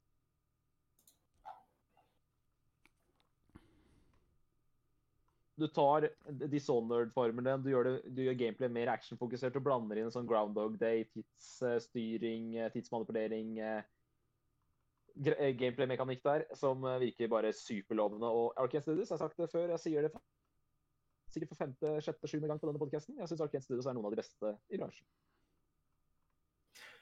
Jeg ser at det er laga av folkene bak Disordered, som får meg til å bli litt optimistisk. Og så ser jeg at det skal bli publisha av Bethesda, som gjør at jeg ikke er så positiv. Ja, men det, Bethesda har vel, eh, de har vel eh, utgitt eh, alle, altså alle de tidligere spillene til Arkane Studios. De har vel gitt ut både Dishonored 1 og Jo. Dishonored 2 også. Det har de. Det er vel kanskje nyere rykte de har fått på noe- seg. Det er vel mer det Det er ikke noe, ny, ja, det er ikke noe ny, det er ikke noe nytt at, nytt at uh, Bethesda er utgiver for Arcane. Arcane. Det er jo det er bare sånn det var på Dishonored. Ja, nei, men det er heller mer det at eh, Tidligere så var det noen eh, studioer og publishere som hadde et sånn kvalitetsstempel der hvor du visste at uansett hva de gir ut, så er det gull. Blizzard hadde et sånt sted før. eh, Bethesda hadde det også før. Mm. Og så, og så ble det en del dårlige ting som kom plutselig etter hverandre. som gjorde at de... Det som er interessant med Deathloop, vet du, er at eh, det, det studiet der, Bethesda, er jo kjøpt av eh, Microsoft nå, er det ikke det? Men Deathloop kommer jo eksklusivt til, eh, i hvert fall konsolleksklusivt til PlayStation 5. Så det er litt sånn fun fact om det spillet. der. Det Diablo 4 uh, Nei, Ja. jeg skulle bare si Eh, at um, jeg ble utrolig redd når Bethesda ble kjøpt opp av Xbox, eller, eller Microsoft. For da tenkte jeg OK, ja, jeg nå kommer Ellers Scrolls Er det ikke 6. Hvorfor har jeg aldri spilt den med mine kjøper Xbox. Eller Roll 6 kommer på Xbox. Ja, sånn, Ja. sånn er det. Da er det bare å kjøpe seg en Men Xbox. Men, håper si Eh, Diablo 4. Nei, bare fortsett. Hvem, hvem vil ha Diablo 4? Erik, du er vel den av oss som er mest grei på Diablo, ikke det? Eh, aldri spilt Diablo-serien, men jeg har hatt Nei, lyst til å plukke det opp ganske lenge. Ja, OK, greit. greit. Så, så jeg er nysgjerrig. Nei, grunnen til at jeg, jeg trodde du hadde spilt det, for vi prata jo om eh, Diablo-serien når vi prata om uh, spillet ta i Mars. Men eh, da er det vel ingen av oss fire som har spilt Diablo. Da går vi videre. Men eh, Diablo 4 er jo selvfølgelig, kommer det i 2021, så er det selvfølgelig et av årets mest etterlengtede spill. Det er jo ikke noe tvil om. Mm. Dungeons and Dragons Dark Alliance. Et spill jeg gir faen i. Det er liksom eh, Når det står liksom Som et videospill, liksom, Dungeons and Dragons, så tenker jeg kun på liksom, Ja. at det er rollespill. Så Ja. Prøvde jeg å ødelegge DND? Det står at det skal være lokal coop her, da. Så Så Altså. Vi kan jo sette ut- utrustning bak det. Det kan jo bli interessant. Jepp, Eh, bare, bare at eh, Noen av Bare at ingen videospill vil klare det DND klarer, på en måte, å lage det Det er jeg rollespillelementet. enig i. Jeg ser, jeg ser poenget veldig, veldig, veldig godt. Eh, Men noen av disse spillene vil jo floppe veldig, og noen av de vil overraske oss positivt. Så kanskje DND er et av de spillene som vil slå nedenfra. Yes. Et spill Det som var lurer- på min radar Bare fortsett, Erik. Ja, jeg skulle si Det jeg lurer på kanskje det her kan slå ut skeivt, er jo at de som er glad i Dungeons and Dragons-rollespillet, eh, vil få en avsmak på at det kreative er borte, mens kanskje de som har lukta på tittelen og egentlig ikke vet hva de har, vet hva det går ut på, kanskje de er mer målgruppa her? Mm. Kanskje, kanskje. Jeg vet ikke. Men det spillet jeg har vært gira på siden vi så det på E3 for et par år siden, det er Dying Light 2. Uh, nå har jo det spillet vært så lenge i utvikling, og jeg tror kanskje ikke det kommer til PS4 lenger. Altså det er i utvikling til neste generasjon, ikke til nåværende generasjon, eller alt ettersom. Uh, hvordan du regner kontrollgenerasjoner. Men poenget mitt er at jeg tror kanskje ikke PS4 lenger er eh, standard gen for den, det spillet her, og da blir jeg litt usikker. Og ja, det det så veldig bra ut i 2018, men det er liksom to og et halvt år siden 2018, så jeg veit ikke Mm. lenger om vi kan uh, ha de for samme forventningene til det spillet her som vi hadde i 2018. Så ja, gått fra å være veldig optimist til å bli, være litt mer skeptisk. Det står heller ikke her om det kommer til PlayStation 4 og 5, det står bare PlayStation og Xbox, så det betyr vel at det fortsatt er litt sånn eh, sånn diffust. Mm. Mm. Uh, spillet Erik gleder seg til hvis det kommer i 2021, det er Elden Ring. Sorry, Erik, jeg tror ikke det kommer. Nei, jeg er litt redd for at det kan bli pusha, men eh, det er et spill jeg ser fram til. Ja. Og så lurer jeg på, selvfølgelig er- noe som eh, Og så lurer jeg på, er det forsinka fordi korona, eller er det forsinka pga. George R. R. Martin? Ja, eller en kombinasjon. Men eh, nei, altså et litt mer åpen verden-lignende FromSoft-spill, det er vel lite får fansen til å um, få mer vann i munnen enn det. Så hjelper det også at, eh, at det blir laget sammen med Game of Thrones-forfatteren. Ja, det er selvfølgelig, det er jo selvfølgelig altså, Men så er spørsmålet hvor mye gjør han, da? Altså Han har jo fortsatt ikke lagd, eh, skrevet de, den siste eller de to siste bøkene av Game of Thrones, liksom. Så, så hvor, eh, hvor mye er det hjelp i George Martin, liksom? Så vidt jeg har skjønt, så skal han bare bygge verden. Han skal ikke skrive noe historie på spillet. Men eh, men ja. eh, Det, for meg så ja, Det jeg husker, er den der annonseringstraileren, og siden det så har vel spillet vært mer eller mindre dark. Så det blir spennende å se om det enten kommer ut eller blusser opp igjen i 2021.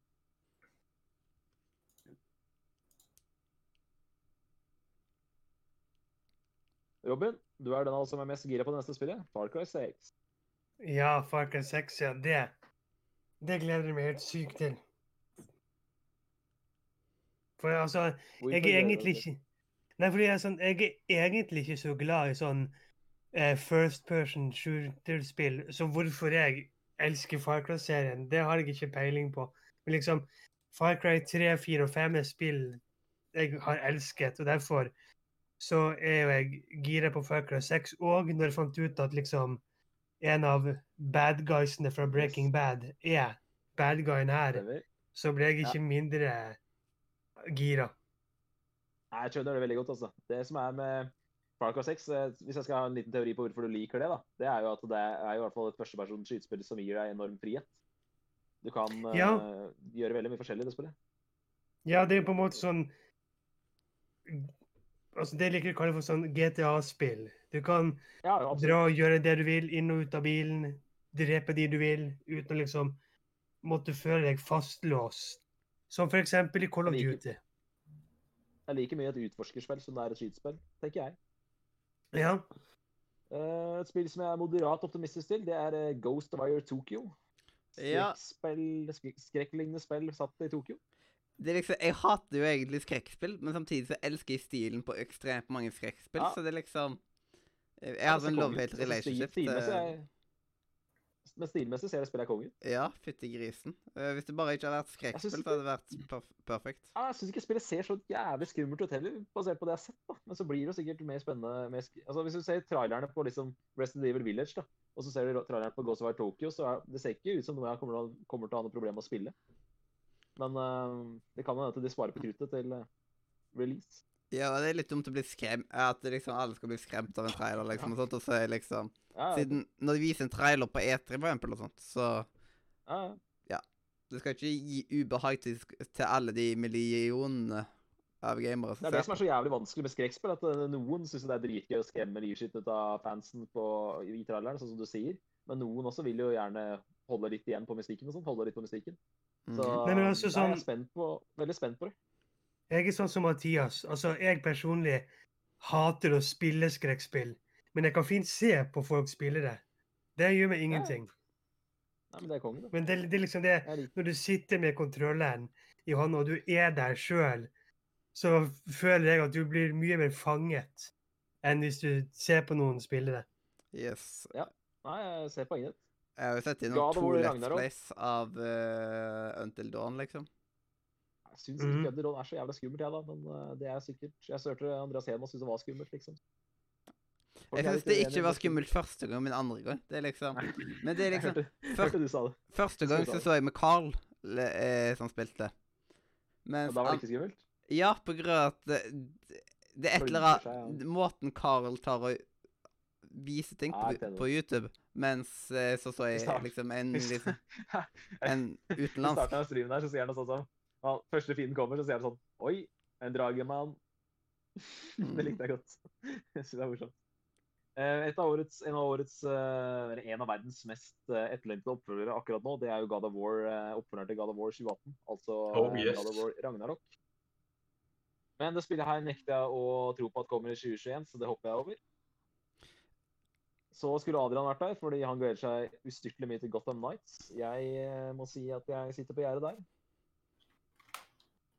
Et spill der du skal spille, kan velge mellom, velge mellom fire karakterer. Batgirl, Robin, Red Hood og Nightwing. Ja, vet ikke om jeg er så interessert i å spille som noen av de, egentlig. Kommer til både PS4, 5, Xbox One, Xbox 6 og ja, mm. PC, selvfølgelig. Eller Sexbox, som jeg liker å kalle det. Ja, ja altså Xbox, selvfølgelig. Xbox, Xbox 6, altså alt ettersom. Kommer til alt av plattformer, i hvert fall, bortsett fra Switch. Uh, Gran Turismo 7 er et spill. Det tror jeg vi skal hoppe over, for det er vel ingen av oss som er noen bilspillfans. Og var ikke Hedemann her heller, så. Nei, ikke sant? Og så til uh, kanskje det mest spennende spillet som kommer til Xbox 6 i uh, 2021. Plattformspillet The Gung. Det er Det så veldig veldig lekkert ut i sommer, og eh, kan bli, har potensial til å bli veldig, veldig bra.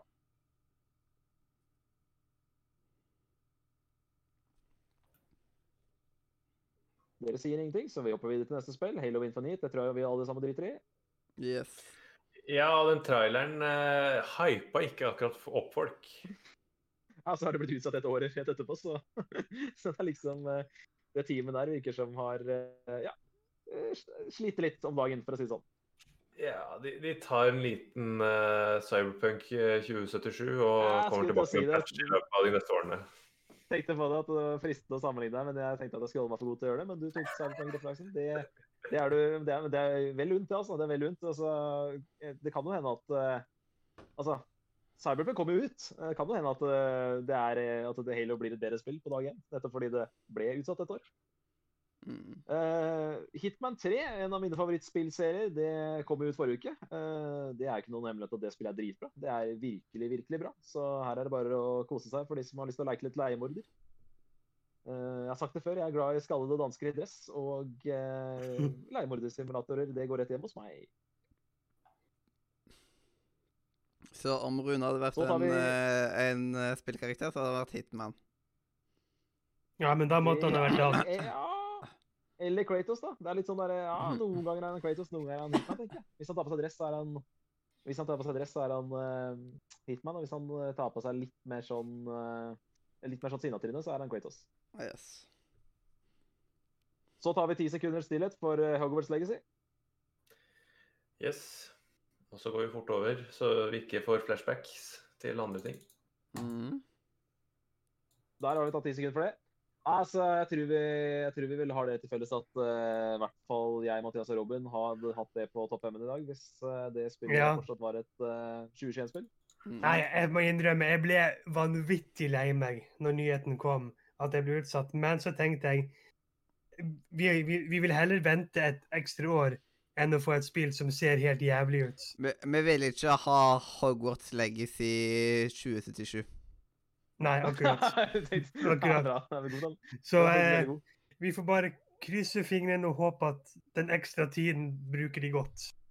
Jeg, jeg har jo til og med, jeg har jo til og med røpa hvor, hvor skuffa jeg ble over den utsettelsen. Da har jeg til og med røpa på sending, for det var jo midt under sendinga. Mathias yeah. droppa den bomba bare til meg. Men så skal, jeg være helt ærlig nå. En ting som jeg irriterte meg veldig med CD Projekt Red sin oppførsel i 2020, var jo at spillet ble utsatt fire ganger. Så jeg må jo innrømme at når jeg får tenkt meg litt om det, så er jeg veldig glad for at de bare reiv av plasteret med en gang, og at det spillet blir utsatt 18 måneder mest sannsynlig med en gang. Jeg syns det er eh, Jeg synes det er veldig bra, jeg. Mm. Det er bedre det enn å gå uke for uke. Ja, bedre og bedre dag Ja, for dag. Det er fortsatt Yes. et spill som jeg gleder meg ustyrtelig mye til. Ja. Så det må nevnes i dag uansett. Ja, Ja, men ja, igjen, det er Det gjør 2021 litt mer bæsj. Ja. Ja, ja. Men så tror jeg vi skal være obs på at det, nok ikke er det første spillet på denne lista her som kommer til å bli utsatt. Men, eh, Nei, det er men jeg liker at, det, jeg liker at det, de som er ærlige, at de sier at det kommer ikke liksom oktober 2021. Nei, oktober 2021. Det kommer 2022, liksom. Og det, det, er bedre, tar liksom- det er bedre enn at de sier 'to be announced'. Det, det, det er så irriterende, siden det er bare sånn OK, du må bare vente og vente og vente til vi endelig får en dato, men nå, liksom, nå har man et år å forholde seg til. Så nei, jeg, jeg syns bare det Jeg, jeg, altså, jeg, har, jeg har kommet meg over skuffelsen. Jeg tenker at uh, det er bare bra at uh, store studioer uh, lærte av fadesen som heter Cyberpunk 2077 i 2020. Den må vi lære av. Vi må bli flinkere enn det. Vær ærlig med fansen. Og så får vi heller ha litt mer fokus på å ha gode spill ute dag én. Mm. Mm, Helt Et av de beste Metrovania Ja, ikke sant? Et av de beste Metrovania som er lagd, det er jo Hollow Knight. Og oppfølgeren Hollow Knight Silk Song skal jo et blant komme i 2021. Det er jo et spill som man kan glede seg for hvis man er veldig glad i Hollow Knight. Og Hollow Knight var jo et fint spill. Ganske bra spill. Ja, absolutt. Men også veldig vanskelig, så jeg har ikke fått satt meg ned med det sjøl ennå. Uh, var litt uheldig med lansering der rett før et par uker før Red Dead 2 kom ut, så det, var, det er vel egentlig grunnen til at jeg ikke har starta på det. Uh, så til uh, spillet som jeg gleder meg mest til om dagen, sammen med Harry Potter-spillet. Nemlig uh, oppfølgeren til Horizon Zero Dawn fra 2017. Jeg Horizon kaller det for Horizon Zero Ja, jeg kaller det for Horizon Zero Dawn 2, men eh, den offisielle tittelen er da Horizon Forbidden West. Mm, og ikke Horizon New Dawn.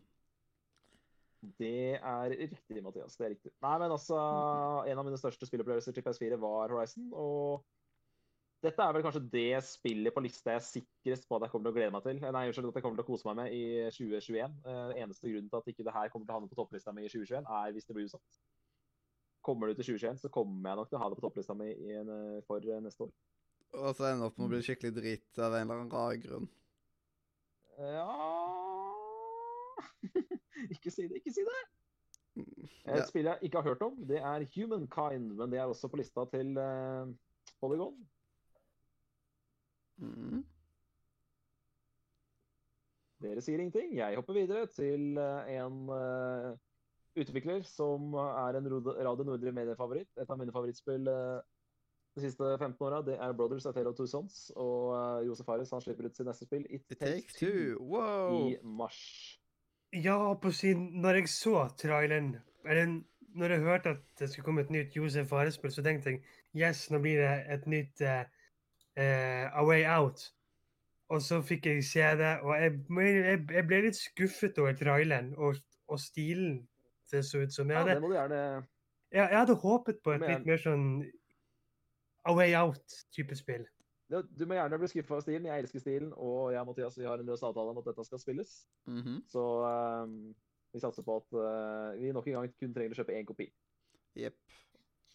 Og Det som er spennende med Josef Fares, er at han, han har en del formidlergrep som kanskje ikke har blitt brukt så veldig ofte eh, ellers i spillindustrien. Så han har alltid noe nytt å tilføre. Så Sånn sett så er jeg egentlig glad for å se at han tar en ny historie, han tar en ny visuell stil, og så løper han med det. Og så blir det spennende å se hva han gameplay- ser jo Mario Party ut, og det er ingen som ikke liker Mario Party. Mm. Og eh, til nå så har jeg likt alt jeg har prøvd fra Josef Fares, så Mm. Konge. han har en Nei, god streak. jeg gleder meg. Jeg har en følelse av at et par av oss har det på lista si eh, etterpå. Eh, Mhm. Vi skal til et annet eh, spill som heter Jet The Far Shore. Det er et spill jeg vet veldig lite om. Skal vi se her. Jet The Far Shore was ordered set to be released in 2020. Det er et slags eh, action adventure game, da. Det kan sikkert bli gøy, det, men jeg vet veldig litt om det, så jeg tror vi hopper videre. Kena, Bridge of Spirits, kanskje den uh, traileren som jeg ble mest uh, Som overraska meg mest positivt i sommer, var uh, PS5 stæsj PS4-spillet Kena, Bridge of Spirits, eller Kenna, som jeg kaller det. Uh, mange trodde at spillet het Kina, men det heter ikke det. Det heter Kena. Mm. Det ser jo ut som et hvis Pixar-gjengen hadde lagd et spill, så ser det sånn ut. Ja, eh, det er liksom art eh, Digger art-stylen. Ja, Liksom- ekstremt Pixar, Pixari, for å si det sånn. Mm, Pixary. Eh, Hashtag litt, sånn, eh, hashtag litt sånn som Birk Pixar. Ja, ja, absolutt. Hashtag litt sånn som Pixar. Nei, altså det er som Rune sa på en podcast her nå, at vi vet jo ingenting om gameplay, men basert på stilen, så det er um, noe av det jeg gleder meg mest til å i 2021. Og det positive her er at spillet er bekrefta for mars, og det betyr at skulle det bli utsatt, så vil det fortsatt mest sannsynlig komme i 2021. Sannsynlig for at det spillet kommer i 2021 er ekstremt stor. Det er, og skulle også for øvrig være et 2020-spill opprinnelig, så det spillet her kommer nok i, um, i år. Jeg tillater meg å komme med en teir, til kommentar til det visuelle stilen. Ja, gjør det, gjør det. Når jeg ser på Polygons artikkel, jeg får litt sånn Er det her NAC 3? Ja, det må du gjerne mene. Det må du gjerne mene. Da er jo NAC NAC 2 eh, veldig eh, Nå er jo ikke NAC 2 verdens dårligste spill, så kanskje NAC 3 blir dritbra. Jeg, jeg, jeg, jeg Eh, syns når NAC jeg må 2 innrømme var så Jeg så Let's Play av NAC 2, og jeg, jeg syns ikke den var, noe, var noe særlig uansett. Så Nei, nei, men altså jeg, jeg kan ikke si at jeg kjøper den NAC 2 eh, At du ser NAC 2 i det spillet her, men altså for all del. For all del. Det, det er greit nok, det. Men husker du ikke det spillet fra i sommer? Jeg husker Kenai Kena fra som, i sommer. At, jeg spør Erik. Jeg, jeg husker det ikke, nei. Jeg bare driver og ser Ja. bildet som ligger i Polygon sin artikkel. Og det er kun den bildet av den animerte jenta. At uh, sjølve animasjonsstilen ligner veldig med Minner meg da om uh, animasjonen av Ja. i Neck. Men bare jeg anbefaler å sjekke, eh, sjekke opp traileren, eller eh, søke opp traileren fra i fjor sommer eh, etter vi har hatt sending her nå. Så kanskje du blir litt mer gira da, du også. Yes. Eh, Det kommer til PS4 og PS5 og PC i løpet av våren 2021. Et spill som jeg er høyst usikker på om kommer i eh, 2021, men hvis det ikke kommer i 2021, så kommer det nok tidlig i 2022. Kanskje på Switch Pro. Breath, Breath of the Wild 2 og Mathias, jeg tror du er veldig nære noe, en, god spådom der. Eh, Det lukter i Switch Pro av dette spillet her. Mm. Eh, Breath of the Wild 2, husk på at forrige Breath of the Wild kom i 2017. Det er altså vært i utvikling i eh, fire, fire år nå, faktisk. Så um, hvis, la oss si at det kommer i desember, da, så er det jo nesten fem år med utvikling. Så Ja. jeg tror nok definitivt at det spillet her eh, begynner å nærme seg noe. Mm. Men jeg har et Brett Oddvar å besøke før jeg skal sette meg ned med Brett Oddvar 2, så eh, det er nok ikke et 2021-spill for min del. Og så har man jo det som jeg pleier å liksom skrike ut på gata når eh, det er, når det, er det det er på en eh, spesiell eh, konkurranse, på en spesiell podcast som sitter, pleier å høre på. Ja. Øh, ja, du skal dit, ja. Det var så lang intro. Jeg var, du, du, du, datt ut der. Nei, men eh, et spill som jeg ikke, fra et spill som jeg ikke kommer til å spille i 2020, som heter Breath of the Wild, til et spill som jeg definitivt kommer til å spille i eh, 2021. Og nå går jeg sur her. 2021 er vi, er vi, er vi er i nå. Og Ja. det spillet kommer allerede 11. februar, og det er faktisk et av mine favoritt-indiespill, i hvert fall eh, på PS4. Og det spillet heter jo Little Nightmares, og oppfølgeren heter da selvfølgelig, eller ikke utenkelig, Little Nightmares eh, 2. Og det er jo rett rundt hjørnet. 11. februar. Det er vel eh, Er det to eller tre uker til, da? To og en halv til? Ja, det, det er veldig kort tid til, egentlig. Jeg fikk litt sånn sjokk. At, sånn, wow, man kom egentlig veldig fort til sånn midten av februar. og sånn, så at før vi vet ordet, så er det vår. Det er liksom Ja, ikke sant? Så det, det syns jeg Ja, øh, Øystein han øh, er jo en såpass rørebukk. Han av at han anbefalte det å lade til et spill, men det gjorde han selvfølgelig ikke, for det var en viss annen person som gjorde det. Yes. Men vi skal ikke prate mer om spillmuren nå. Little Nightmares 2 det er, eller Little Nightmares 1 er en Radio Nordre Media-favoritt, og Little Nightmares 2 det gleder i hvert fall jeg meg stort til. Mm. Og så et spill som eh, Erik, du har jo nevnt uh, Ringens herre tidligere i sendinga. Og uh, det kommer et Ringens herre-spill i 2021 som heter Lord of the Rings Gollum. Og jeg må innrømme at uh, det spillet her har jeg vært veldig lunken på hele veien. Jeg tror det blir drit. Hvis det blir OK eller bra, så blir jeg positivt overrasket. Eh, jeg mener jeg Jeg mener jeg leste på Facebook nå før sending at det spillet var utsatt. Ja, til 2022. El, ja, altså det at Golm-spillet var Ja. utsatt til neste år. Ja, men det Kan er jo hende jeg- tusens, det, er sikkert, eh, sikkert halve lista kommer til å bli utsatt, så det er ikke utenkelig, det. Ja, og det som gjør at jeg er veldig lunken, er at jeg har ikke hørt om Deadlick Entertainment før, som er utviklerne. Du er veldig så opptatt av å sage Harry Potter-spillet fordi det er utvikla dritt, eh, drittfolk, og du skal sage Gollum-spillet fordi du aldri har hørt om de før. Så du er veldig opptatt av studio. Du er veldig, Ja. du er veldig dårlig på å gi, gi folk latsivi... Har du hørt om benefit of the doubt? Har du hørt om eh, norsk, eh, hva, man, hva man gjør i rettssaler? Jo, men for, for, for det jeg kjenner på litt her, er jo at uh, i dette tilfellet her så har de klart å få en kjempestor lisens, som er Ringenes herre-universet. Men så har det spillselskapet her eksistert i snart 15 år og laga Ja. godt over 20 spill. Ja. Det er ikke et veldig sunnhetstegn. Nei. Og det er jo ingenting med det spillet jeg har sett av eh, diverse videoer, altså et par få videoer, og screenshot av det spillet der, ingenting som har gjort meg gira til nå. Og jeg syns heller ikke at et et snikespill der man spiller som Gollum, høres så veldig spennende ut. Jeg syns den ideen ikke er så veldig god, hvis jeg skal være helt ærlig. Eh, Jeg syns den ideen heller er veldig tam. Det høres ut som et sånt type sånn eh, cash in på PlayStation 2-aktig spill. Så eh, her får vi, som jeg sier, vi får Altså, vi blir positivt overrasket om det spillet der blir eh, bra. Et spill som er ute nå, eller i hvert fall rett rundt hjørnet, fordi Level Up skulle streame denne uka, det er The Medium. Og eh, det spillet ser spennende ut, men skummelt ut.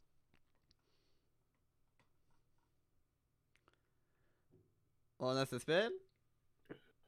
Sp neste spill er Metal Hellsinger, og det spillet har jeg heller ikke hørt om, så det hopper jeg over.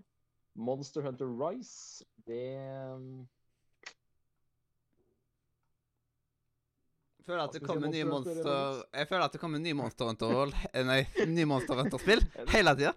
Ja, du, du er, eh, altså Noen ganger så tar du ordene ut av munnen min. Jeg, jeg skulle til å si det. Skal jeg disse Monster Hunter her nå? Nei, jeg får holde meg for god til det. Men jeg er litt enig. For oss som ikke er inne i serien, så er det veldig vanskelig å holde tunga rett i munnen på den serien der. altså. Mm. Jeg har jo Monster Hunter Generations på Switch, og så har jeg Monster Hunter World på PC. Vi skal til et uh, spill som ser veldig JRPG ut. Et spill som heter Neo The World Ends With You. Kommer vel til eh, Switch, vil jeg tro. Nei, det kommer, ja, det kommer til faktisk til både PlayStation 4 og Switch. A Eh, sequel er to The World Ends With You, ja. Ikke sant? En slags oppfølger til da, et DS-spill fra 2007.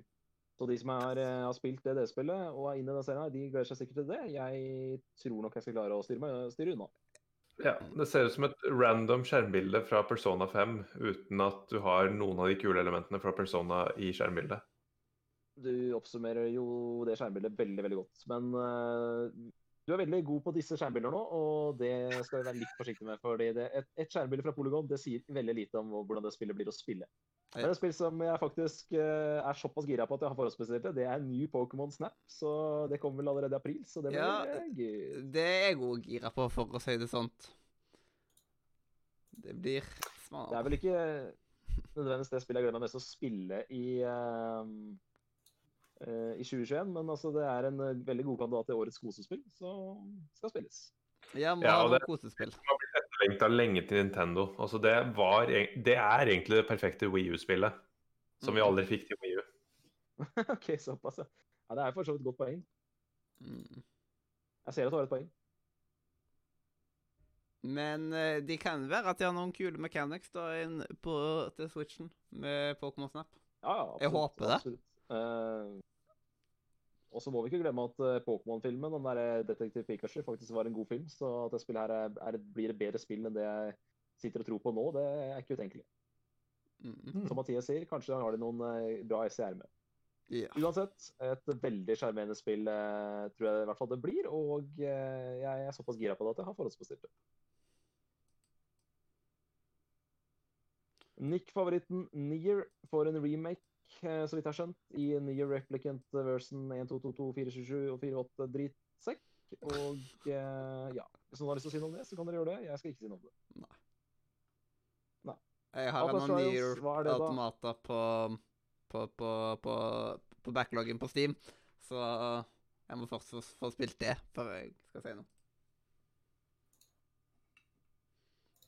Ja, så er det et slags sånn fireplay co-op-spill eh, fra Outlast-universet som heter The Outlast Trials.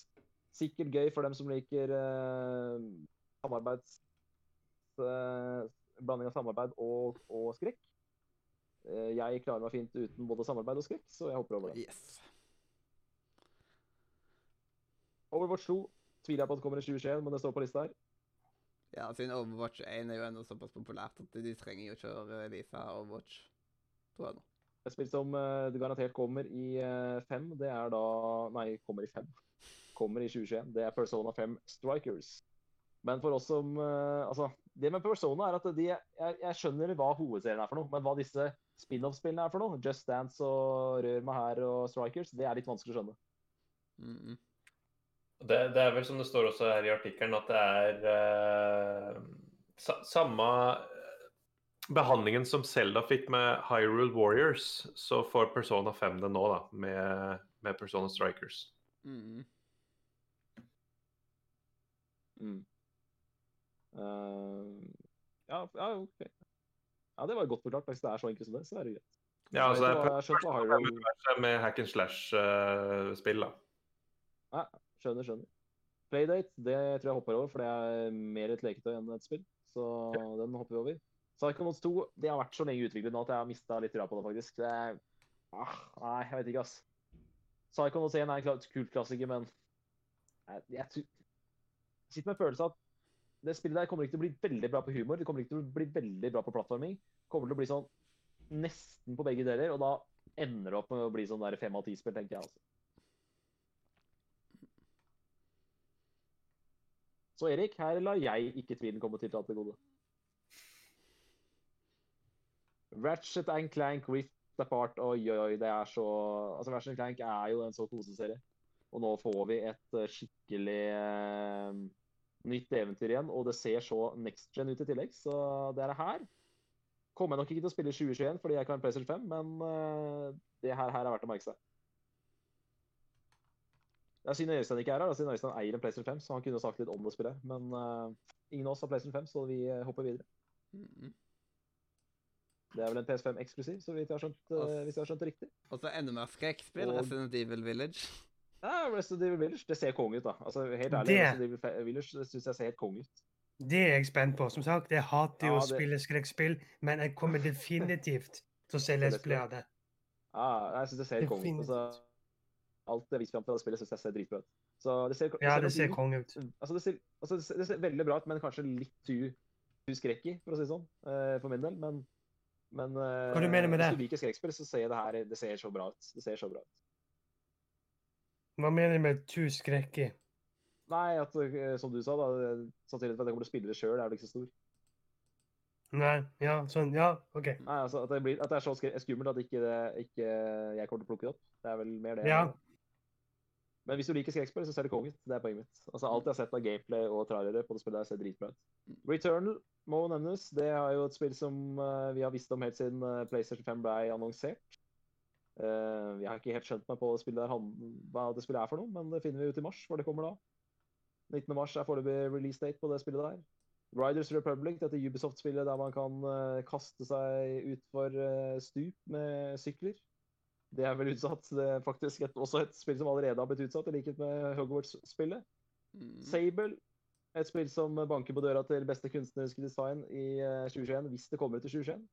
Det Mm. ser helt eh, nydelig ut. Yes. Scoren, det vet jeg ikke helt hva er for noe, så det hopper vi over. Shin Megami Tensei 5. Hva er det, da? Det, det ser det ut det, det, var nesten, det ser ut som litt sånn der eh, På en måte anime-stil, som er et sånn 3D-animert. Sånn, sånn typisk når de liksom tar og remake Plutselig tar og remake noe Ja. Pokémon, liksom. Shin Shin er jo dritgammel serie, så jeg lurer på om dette her er eh, At dette her er noe Har noe Nei, nå Ja. Altså Adrian Adrian vet, det, Adrian vet best eh, hva det der er for noe. Han kunne forklart hva det er for noe. Men jeg skal vet såpass litt om det. Jeg skal ikke prøve meg på det. Men uh, det er vel en slags remaster av noe greier. The Games Release Association. Mm. Det ser ut som det er noe HD remaster-greier, Mathias, så jeg tror du igjen traff brikeren. Men så et spill som jeg tror faktisk uh, kan bli et av årets beste indiespill i uh, det kommende året, nemlig Hyper Light Drifter. Altså utviklerne bak Hyperlight Drifter sitt neste spill, Solar Ash. Det har jeg, jeg skikkelig trua på. Mm.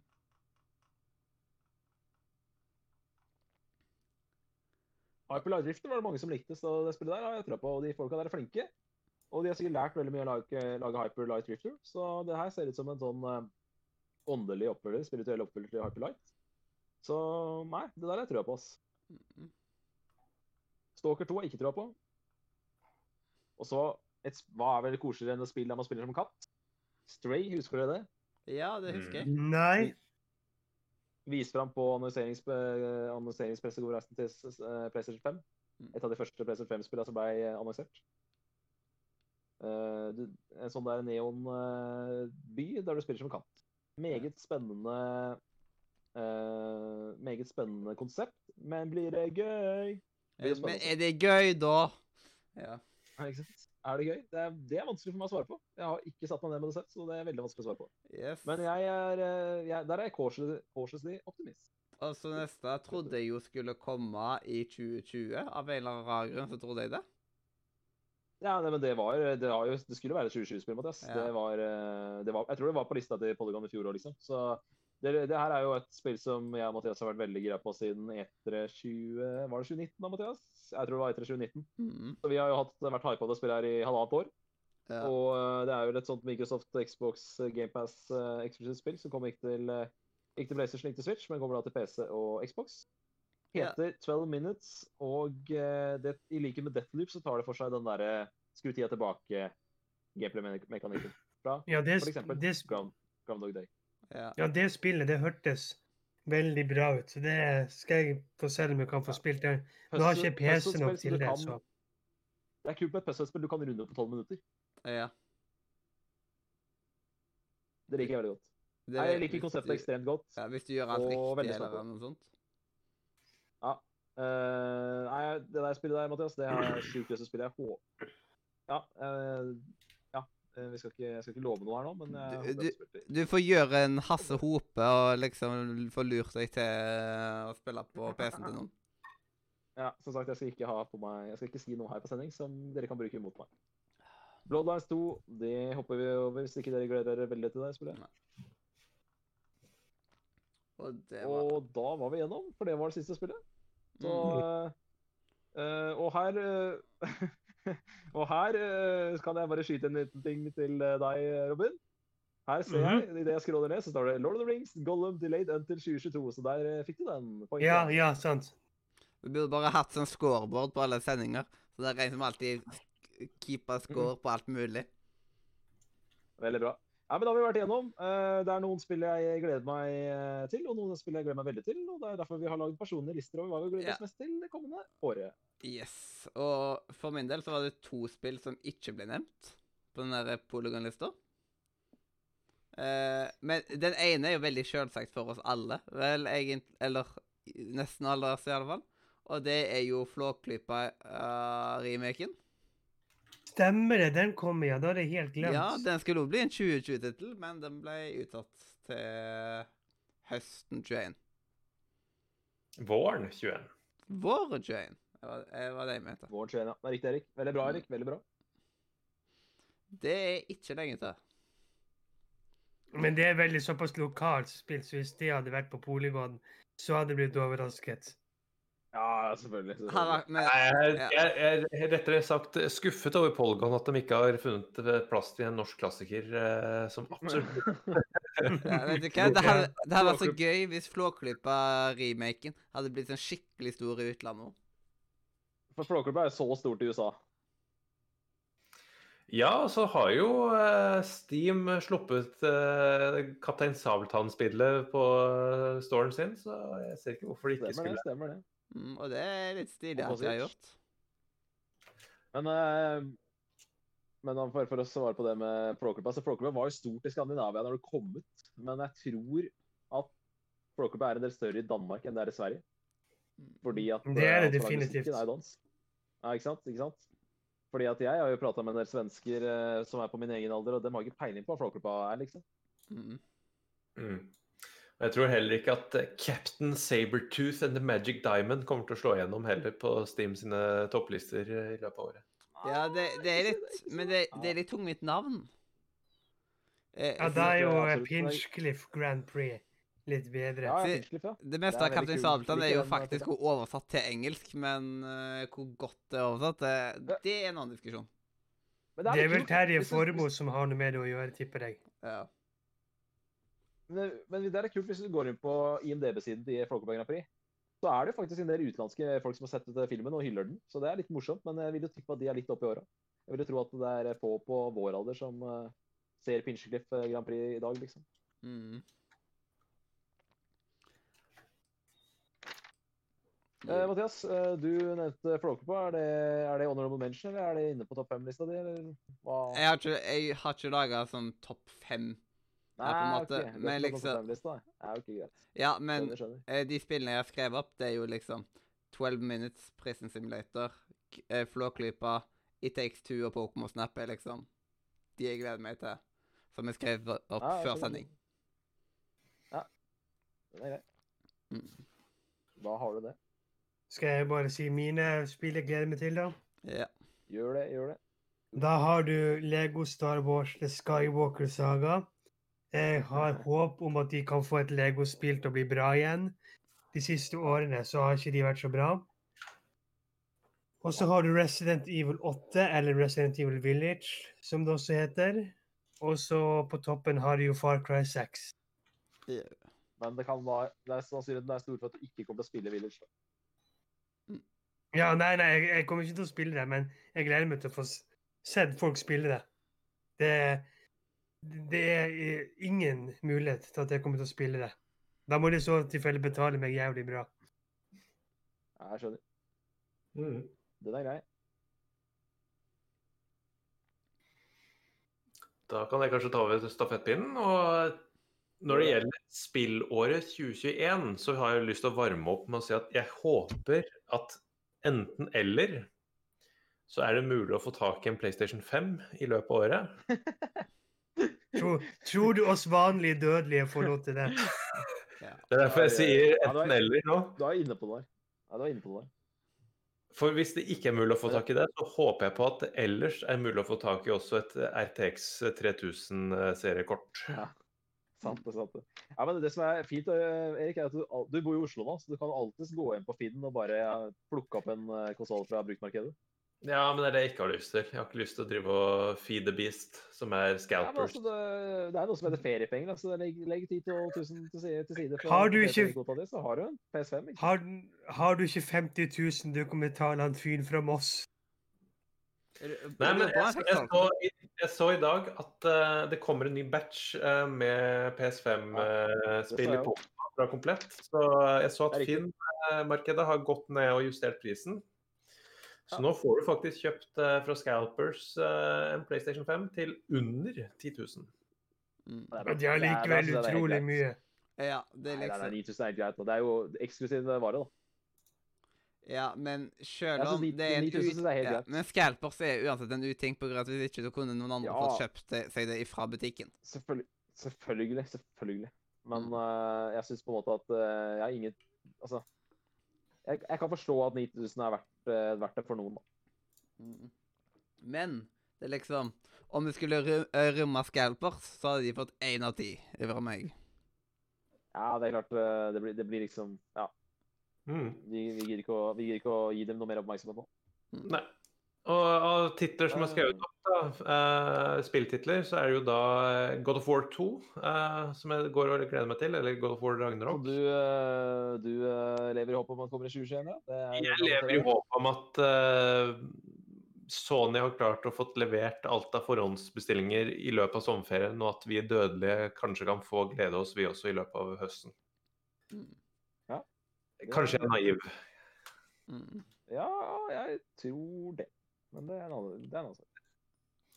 Og det andre spillet på lista som jeg også har, er da Flåklypa. Fra Rams. Uh. Ja, men det er koselig, det. da. Det er veldig, veldig koselig. Mm. Uh, ja. Jeg har jo laget en topp fem-liste, selvfølgelig. Det, jeg, har jo, jeg lagde jo ikke topp fem-liste på film, så da må jeg jo reversere det nå. Eh, jeg sitter og ser på 2020-lista mi her nå. Her, der hadde jeg Fall Guys, Watch Dogs Legion, The Last of Us 2, Gods and Monsters og Ghost of Tsushima. Eh, kan vel si så mye som at fire av de fem titlene leverte. Det siste spillet, det leverte ikke. Men eh, fire av fem titler som innfridde, det er jo for så vidt grei uttelling, det, da. Mm. Eh, da skal vi da til eh, min liste for 2021, og jeg har tre honorable mentions. Uh, spill jeg har valgt å eh, diske, diskvalifisere, rett og slett fordi at det er PlayStation 5-eksklusive titler, som gjør at jeg uh, føler at jeg ikke har mulighet til å spille det i 2021. Og det er uh, Deathloop, som jeg nevnte i stad. Dette er Arcane-spillet med der man skrur tida tilbake. Det ser veldig kult ut. Ghostwire Tokyo og Ratchet Clank. De spillene der de uh, har jeg valgt å ikke ta med i kampen. Så er det topp fem. På femteplass så eh, Det spillet her skulle jo egentlig komme i 2019. Det kom ikke i 2019. Det skulle så komme i 2020. Det kom ikke i 2020. Selv om det er korona, så satser vi på at 2021 er året der vi endelig får uh, Flåklypa Grand Prix remake. Eh, og jeg må si at jeg syns det er veldig veldig kult at det kommer til Switch. Og det gjør meg litt sånn ekstra glad å tenke på at det spillet der kommer til Switch. Mm. Eh, jeg er spent på, spent på om de klarer å eh, lage et spill som gir like god følelse av å spille som det originalen gjorde i sin tid. Det neste spillet på lista det er jeg helt sikker på at kommer i 2021, fordi at uh, det spillet kommer nemlig i midten av februar. Little Nightmares 2, oppfølgeren til Little Nightmares, den er uh, selvskrevet på denne lista. Little Nightmares er et utrolig kult uh, 2,5D-spill. Og eh, det jeg har hørt av de som har eh, spilt sånn liten demo på Little Nightmares 2, de sier at toeren skal være enda bedre. Så da gleder vi oss til det. Og så er det jo da eh, et spill som jeg planer å spille sammen med Mathias, nemlig It Takes Two. Det får tredjeplassen. På andreplass så får vi et spill som Erik mener at ligner på uh, NAC. Jeg mener at det ligner på Pixar. Det heter Kena. Bridge to the Spice eller et eller annet sånt. I hvert fall uh, Kenna. Mm. Eh, vi har sett veldig lite gameplay, fra det, men det var kanskje det spillet jeg forelska meg mest i i fjor sommer. Og på topp det spillet som jeg er sikrest på at jeg kommer til å kose meg med i uh, 2021. Uh, det var en av mine største spillopplevelser til PlayStation 4, og det er selvfølgelig oppfølgeren til Horizon Zero Dawn. Jeg husker ikke hva tittelen heter, men jeg kaller det for Horizon Zero Dawn 2. Ja, eh, et eller, eh, et eller annet to the west. Det er litt sånn med meg, det jeg sliter med å lære meg titler. For eksempel det der Gods and Monsters. Det har jeg først nå lært meg at egentlig heter Immortals Phoenix Rising. Ja. Forbidden West. Mm, det var det. Forbidden West var det. Ja. Kommer nok til å bruke en god eh, del av 2021 på å lære meg den eh, nye tittelen. Yes. Mm. Men eh, ja, det var eh, et spill som da kanskje, hvis jeg skal ta dere til sjetteplass også, så må jeg nok si at eh, det spillet som vi har gleda oss eh, til siden sommeren 2019, Mathias, 12 Minutes får min sjetteplass. Yes. Det Får se om det kommer i 2021, da. Og så glemte jeg å si et, et spill til som jeg valgte å ikke ta med, siden det spillet er en remaster. Super Mario 3D World er jo også rett rundt hjørnet. Yes. Det er Eh, også en eh, sterk honorable mention. Med 12 minutes, det gjør meg at det kommer i 2021, når, liksom at når du bytter på to, eh, ett-tall og to-tallet, så blir det 21. Så 2021. Mm. Hey, clever, clever, clever. Du mener vi hadde en plan? Ja, det en plan hele det var en plan Ja, ja. hele tiden. Synd at Øystein ikke har gitt noen lister til oss. da. Det var skuffende. Og han får eh, komme og reversere det en annen gang. Jepp. Neste gang han er med på sending, så bare eh, fiser han det ut. Så får vi også håpe på at, eh, at Nintendo kommer ut med to titler som de ikke har sagt noe om ennå. Mm. Det ene er jo Bajonetta er jo fortsatt uh, uten uh, noe dato eller noe som helst. Vi bare vet at ja, det fins, og ja, det jobbes med. Men uh, noe mer enn det får vi ikke vite. Og Nintendo har jo som tradisjon å ikke si noe før tre måneder før spillet kommer ut. Så det er det Det ene jeg håper på. Mm. Men det jeg liker med Det, det jeg liker med med Bionota 3, det er jo at eh, for en som meg, som, eh, som på en måte ikke har kasta meg over de tidligere Bionota-spillene, så har jeg jo eh, to, to spill på backloggen der som jeg kan kose meg med før Bionota 3 kommer ut. Yes. Mhm. Og det andre som heller ikke Nintendo har snakka noe om, er muligheten for å få eh, Zelda 3D Allstars. I form av Nei, men altså, hvis du husker. Mario, så kom jo det sånn rett ut av ingenting. Altså, det var jo bare sånn der, OK, vi jobber med det, dere skal få det på bursdagen, liksom? Uh, så Mm. det er jo ikke utenkelig det du sier der, at vi får Altså, vi får jo sikkert noe Selda i uh, 2021. Om det da er uh, Ocarina of Time eller uh, Miners Cap, liksom. Det er vanskelig å si, men eh, at vi får noe, det vil jeg jo tro. Det, det må vi få. Altså, det er 35-årsjubileumet. De kan ikke bare ignorere det. etter det, det kan jo være at de prøver ekstra å få til Breath of the Wild 2 i 2021 på grunn av jubileet. Nei To men, spill, eh, eh, to spill som vi ikke har nevnt, og som jeg håper vi derfor kan få høre noe om i 2021, det er jo da Super Mario eh, Odyssey 2. Ja. Og eh, forhåpentligvis et, eh, et, altså et nytt Spyro-spill. Med tanke på at Crash fikk det i fjor, Ja. så er det jo stor sannsynlighet at Spyro får det i år. Ja, det er jo sant. Eh, men jeg tror ikke det kommer til å komme nytt eh, liksom at, Jeg tror ikke det kommer til å komme oppfølger til Odyssey i 2021 på grunn av at det kommer til å være mer fokus på Zelda i år. I fjor Ja. så var det veldig fokus på Mario av bursdag. I år så kommer det til å være fokus på Og så er det, jo det er jo ikke helt utenkelig at, vi, at det f.eks. blir annonsert en Switch Pro med et nytt Mario-spill eksklusivt for den nye Switchen. da. Det er jo et eller annet sånt. Det er jo ikke helt utenkelig. Det er det jeg tenkte, òg. Så er det Men jo det er men si, selvfølgelig det kommer jo ikke til å komme i 2021, selvfølgelig. Men det, at, det, at vi får vite noe mer om neste tredje Mario-spill i det kommende året, det ser jeg på som realistisk. Og så har vi jo eh, spillene som våre tipp-tipp-tipp-tipp-tipp-oldebarn får lov til å spille. Det er jo GTA 6 og Ellis Scroll 6. Kan vi få høre ja, 6 noe mer? GTA 6 er etter dørene. Ja. Ja, vi, vi, vi, vi, vi, vi får se. Vi får se. Jeg har ikke helt troa. Du kan, du, kan ikke, du kan ikke gå ti år uten å si noe om GTA 6, og GTA 6 er rett rundt hjørnet. Bare vent og se. ja nå, se. nå, nå må, det må være begrensning på hvor lenge de klarer å melke femmeren nå. Uh, GTA 5 er blitt Bare- det nye Skyrim, liksom, at, med Bare vent melking. og se. Bare vent og se. Ja. GTA 5 Bare er den melkekua. GTA 6 er rett rundt hjørnet. Alle, spi alle Altså- spill som er femmere, er melkekuer. Oi, oi, oi. Både liksom Skyrim ja. og ja, men det er derfor vi 5. trenger sekserspill. Ja, Når kommer det? yes. Folk trenger Altså- sex. Jeg må, Altså, bare si GTA 6 2023, så er jeg fornøyd. Da er jeg faen meg fornøyd.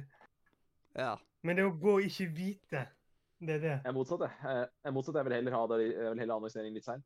Mm. Syns det er mye Ja. Jeg vil gjerne ikke vite noe, jeg.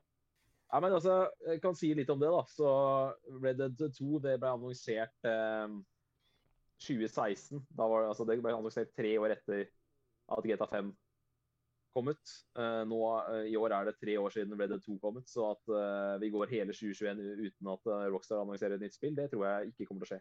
Så jeg tror vi får vite hva det neste Rockstar-spillet er i løpet av året. Yes. Ja, det bør være GTA 6, eller som et plaster Ja, på såret, alt- Bully 2. Alt, alt tyder på at det er GTA 6, da. Ja, vi får håpe Alle rykter tyder på det. Ja, det er liksom når han er ene hadde drept seg ut Eller hadde hatt uh, når, Liksom før Red Dead 2 liksom var jo liksom skikkelig confirm på tid, og sånt at han hadde Red Dead 2 voice acting og GTA 6 voice acting på CV-en. Det er viktig jeg holdt på å huske si, eh, Nei, bare si ferdig. si til folk. Ja, takk skal du ha. Eh, En ting som jeg bare vil si til folk, er at jeg, vi er jo, altså, en del av de spillene vi gikk gjennom på lista nå, til Polygon, er jo allerede utsatt. Og sikkert veldig mange flere kommer til å bli det. Men bare husk på at de eh, Bare ikke glem de spillene som allerede er utgitt. Altså, yeah. Tenk på backloggen, tenk på eh, bucketlista. Yep, Det er så utrolig mye deilige spill der ute som man ikke har spilt, og som man kunne tenke seg å plukke opp. jeg skulle til å si det nå. for min del Ja, ikke sant? Du skulle til å si det. For Ja. min del, da, som ikke har en PlayStation 5, så er jo spill som eh, Ratchet Clank og det derre eh, Ghost of War Tokyo er jo liksom litt ute i periferien for meg nå. Eh, for det jeg gleder meg til i, i, eh, i 2021, det er å sette meg ned med Altså gi Bloodborne en sjanse, ikke sant? Runde The Witcher 3. Eh, jeg har en Switch. Jeg har åpna meg opp et helt nytt spillbibliotek for min del. Eh, Jeg har uh, No More Heroes, som uh, er jo en sånn kultklassiker til Nintendo, Nintendo Wii, ikke sant? Mm. Som jeg nå skal gi en sjanse. Uh, han eh, Erik nevnte Bayonetta 3. Jeg vil verken spille Bionata 1 eller 2. Så liksom bare vær litt glad. Uh, ikke glem at det er et vanvittig stort antall deilige titler du garantert ikke har testa eller ikke fått uh, spilt så mye på som du skulle ønske. Og Ja. alle har vi en backlog fra både 2019, 2020, og, eh, 2018, 2019 og 2020. Mm. Og eh, ikke, ikke liksom begynne å grine når eh, 20 av de spillene vi gikk gjennom i stad, blir utsatt, for det kommer garantert til å bli utsettelse- utsettelser der. Yeah. Og eh, selv om det ikke skulle komme all verdens mye digg i 2021, så kan 2021 fortsatt bli et deilig spillår. Yes. yeah. Og sånn som eh, eh, Sånn som eh, Siden jeg skulle si nå rett i stad, egentlig, at for å introdusere neste, det neste segmentet Men eh, som eh, Jon Cato sier eh, Ikke eh, Slutt å bare glede deg til spillene som Ja. kommer. Ta og gled deg over spillene som allerede er her, og liksom Og det er så viktig. Det er så viktig å si det. For det er Mm. lett å glemme det. Når vi Mm. går gjennom sånne lister og tenker på hype, hype, hype, så er det så viktig å glemme hva vi faktisk sitter med. Ja, du har kanskje ikke PlayStation 5, men du har en PlayStation 4 som har bydd på fant noen av dine beste spilleopplevelser gjennom tidene. ikke sant? God of War 2018, Red Dead Redemption 2, Horizon Zero Dawn. Eh, så du har garantert en backlog der. Eh, yeah. Viktig å huske på. Og Og jeg må jo si, mitt Goti, altså det, det beste spillet jeg spilte i 2020, hva var det? Det var Super Mario Galaxy, et spill fra 2007. Og eh, Super Mario 3D World, som sagt, kommer i februar. ja, og Jeg skulle bare si, før eh, vi avslutter denne tingen her, det var det du sa med han der som fucket opp med den CV-en sin. Eh, han som eh, spiller Michael i GTA5, han Ned Luke, han hadde jo en livestream der han ble spurt om han hadde en, eh, en stemme i GTA6, og han som stilte det spørsmålet, han ble kastet ut av eh, livestreamen. Så noe, noe er det vel kanskje, Ned. Jepp. Men ja, ja. ja men det, er, det, har gått, det har gått så mye rykter så lenge at uh, det er jo definitivt noe der. Men spørsmålet er om det kommer i 22, 23 eller 24. Jepp. Og nå skal vi jo først gå gjennom litt gamle bucketlister. Jeg kan si at år, min, eh, min bucketliste i år blir, er den lengste jeg noen gang har hatt. Så det, dette blir Ja, litt, også- det blir litt jeg av en utfordring å komme seg gjennom. Og håper at jeg setter ny personlig bucketlist-rekord nå, jeg også. Jeg er ikke Mm. helt sikker. Jeg har ikke, jeg har ikke telt over. Yes. Jeg, jeg har ikke telt så mye over bucketlist som jeg har fått tatt og fullført. Men eh, den bucketlista som spiller jeg ønsker å få spilt i løpet av året, den blir lang. Men da kan vi jo se om vi finner eh, flotte bucketlister, da. Har du din gamle bucketliste for deg, Simen, eller eh? Absolutt ikke. Absolutt ikke. Den må leites opp. Yes, og jeg eh, driver og leter opp uh, sjøl etter uh, gamle bucketlister. Siden det er jo lang eh, Det er jo liksom Dette var jo spesialnester, så vi har gitt ut masse greier på Nise. Eh, med liksom eh, Ja, alt mulig, egentlig. Eh, med Decade-spesialer og beste norske serier og Ja. Masse, masse, masse. Beste filmer. og Spill og ta med seg til Mars, og vi hadde med Erik på den, og det var koselig. Og... Jeg fant din bucketlista, uh, Glitterboy. Ja, det er veldig bra. Yes. Har du funnet nå? Det er jo uh, Kan du gi meg datoen? Er det januar mars, 6. mars 2020? Er Ja, vi var litt seint ute. Det var 6. 6. mars. Se her Men husker at vi hadde litt Yes, din er rett under. Ser du har Red Dead 2, Life is Strange 2, Ja, Borderlands 3 eller yeah. ja. 3, Litt flere. Yes. Ser du eh, har en del eh, ting som du har spilt der. Men jeg må, jeg må, jeg må stille et spørsmål, Mathias. Hva skjer med Life is Strange 2?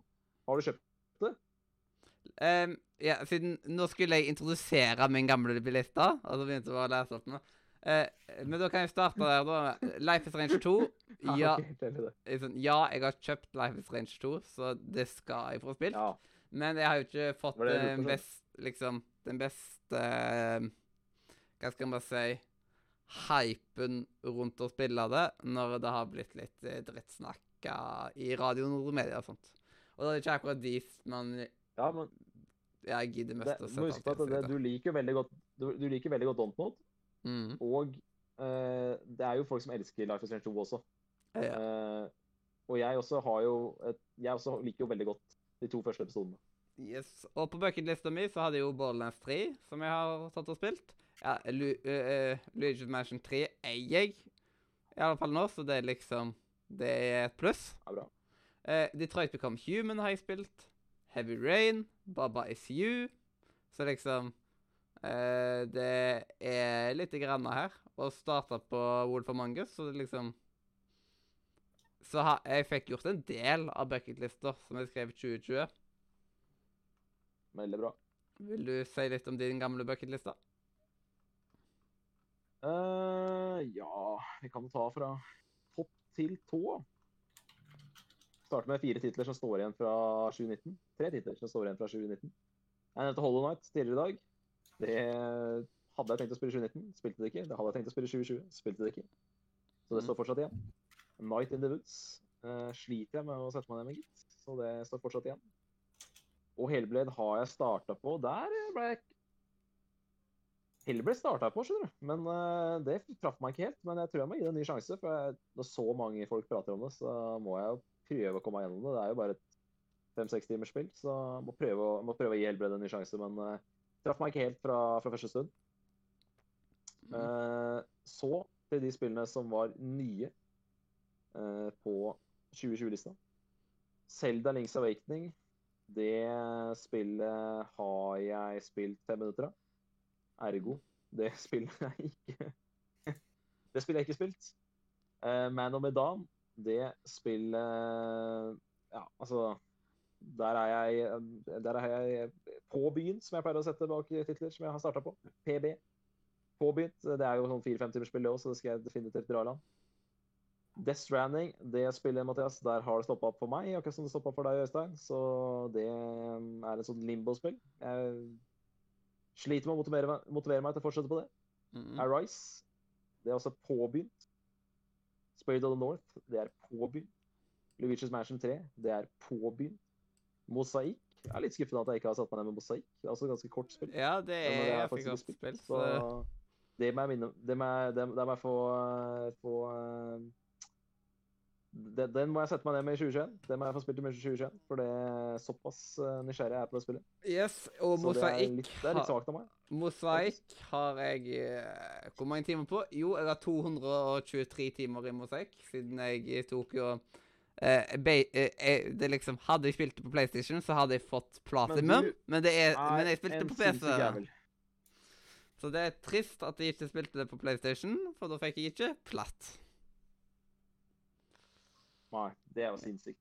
Yes. Hvordan Jeg, jeg, jeg, kan ikke skjønne Jeg klarer ikke å skjønne hvordan det er mulig å plukke klokke 200 timer i det spillet. Ja, jeg, Men jeg vurderer å skaffe meg på PlayStation 4 for å få platinum, liksom. det er såpass, ja. Okay. Men det er fordi jeg er veldig glad i spillet. Å da. Det er ikke bare på Men fra et uh, norsk spill jeg ikke har spilt, Mosaikk, til et norsk spill jeg faktisk har spilt, Draugen. Og det spillet, det var et veldig 6 av 10-spill. Uh, spill Water Remains of Edith Finch i stedet for. det er tusen ganger bedre. uh, Cuphead, det har jeg jo kjøpt og elsker det, så det spillet er spill. Super Mario Odyssey, det spillet er spill. Det er vel ingen hemmelighet om Andreas, at jeg har spilt Odyssey? Nei, faen. Super Mario Odyssey. Nå tenkte jeg Galaxy jeg nå. Blanda titler her. Nei, Super Mario Odyssey det er spart pga. den tredje Allstars-pakka. Yes. Så valgte jeg å prioritere Sunshine 64 og Galaxy i eh, 2020. Så Odyssey det står igjen på lista til 2021. Skal kose meg med det Mm -mm. i 2021 og gleder meg til det. Valfaris, det har jeg påbegynt. Bloodstained, der har jeg valgt å Nå har jeg fått meg Switch, og nå har jeg valgt å prioritere Ori. Så da er Bloodstained Det er eh, Det står igjen til eh, 2021. Mario Kart 8.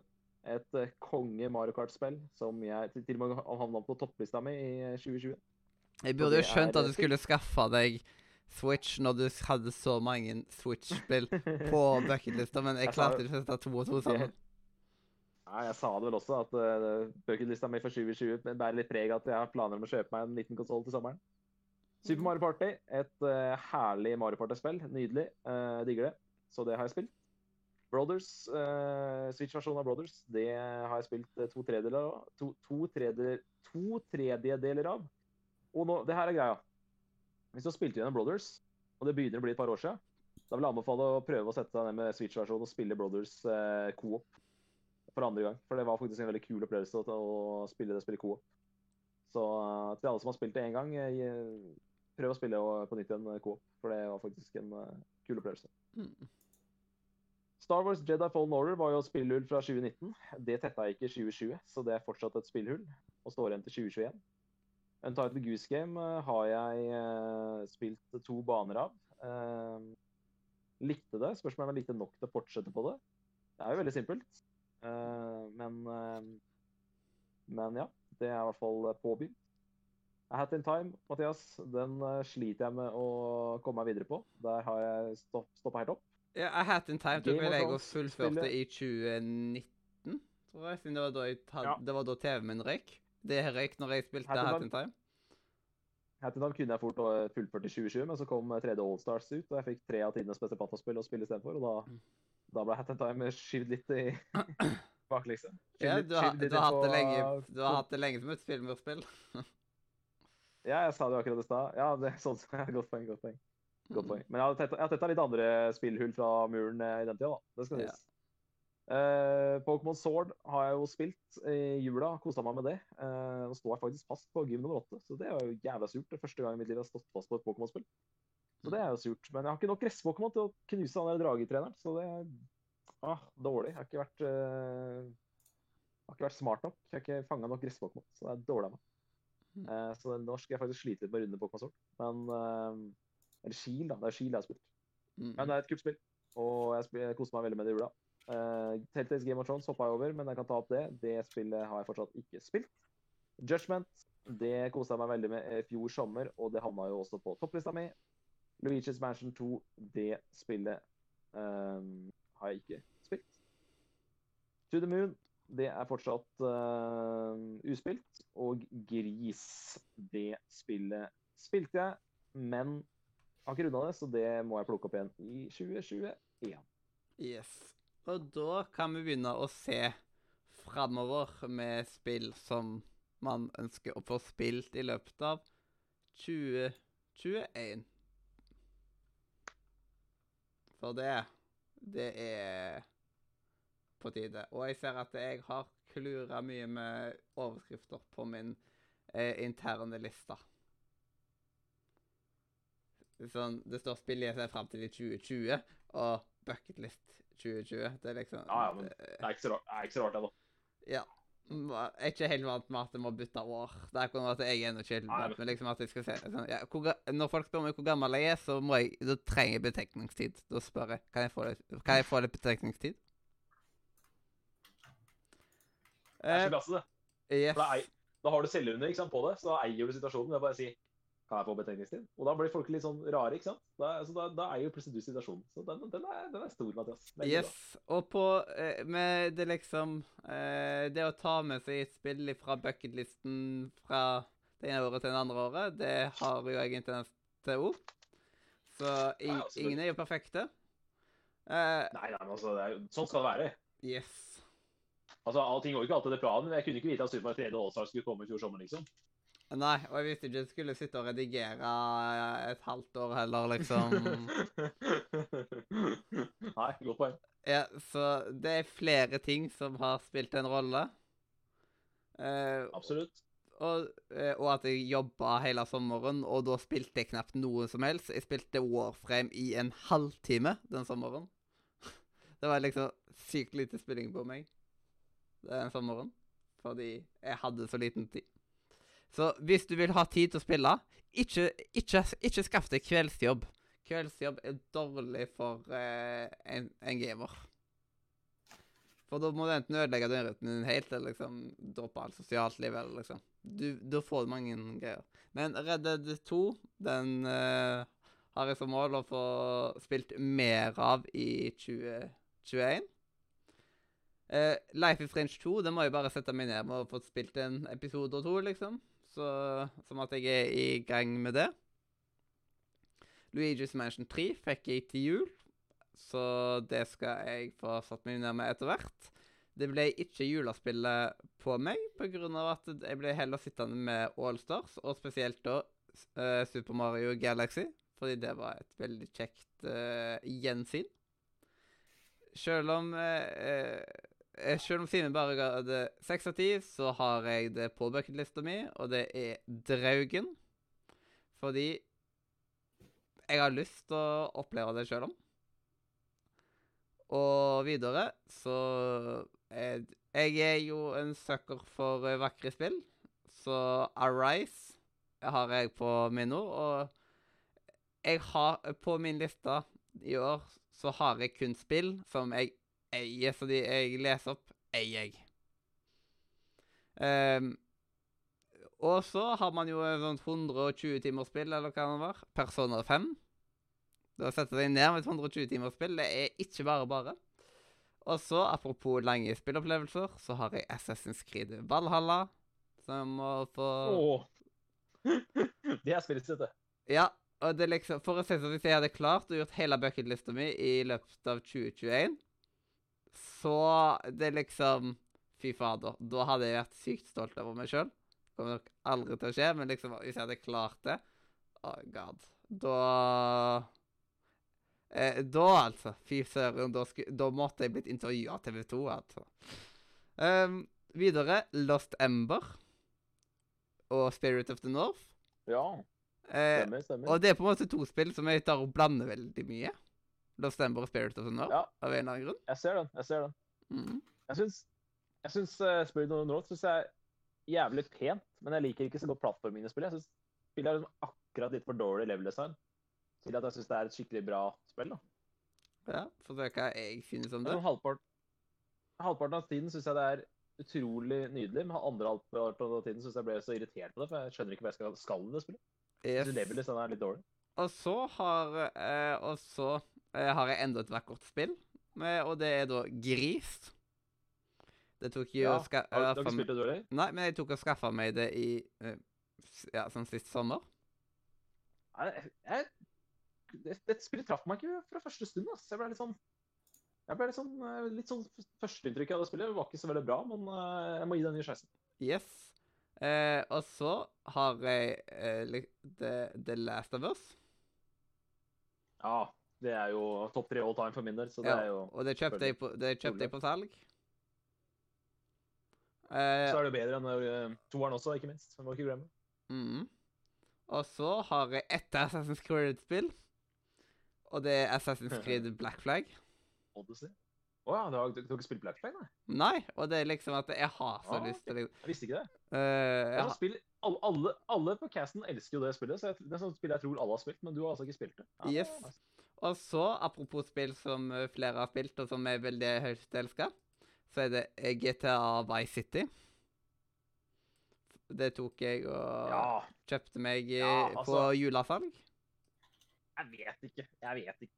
Altså Nei, jeg skal gi det et forsøk. Uh, Har det holdt seg? Ja, ja, ja, ja, altså Ja, ja det er det, uh, det er liksom jeg, jeg, jeg, er spent. Jeg er spent på hvordan det blir for deg å fyre opp det spillet for første gang nå.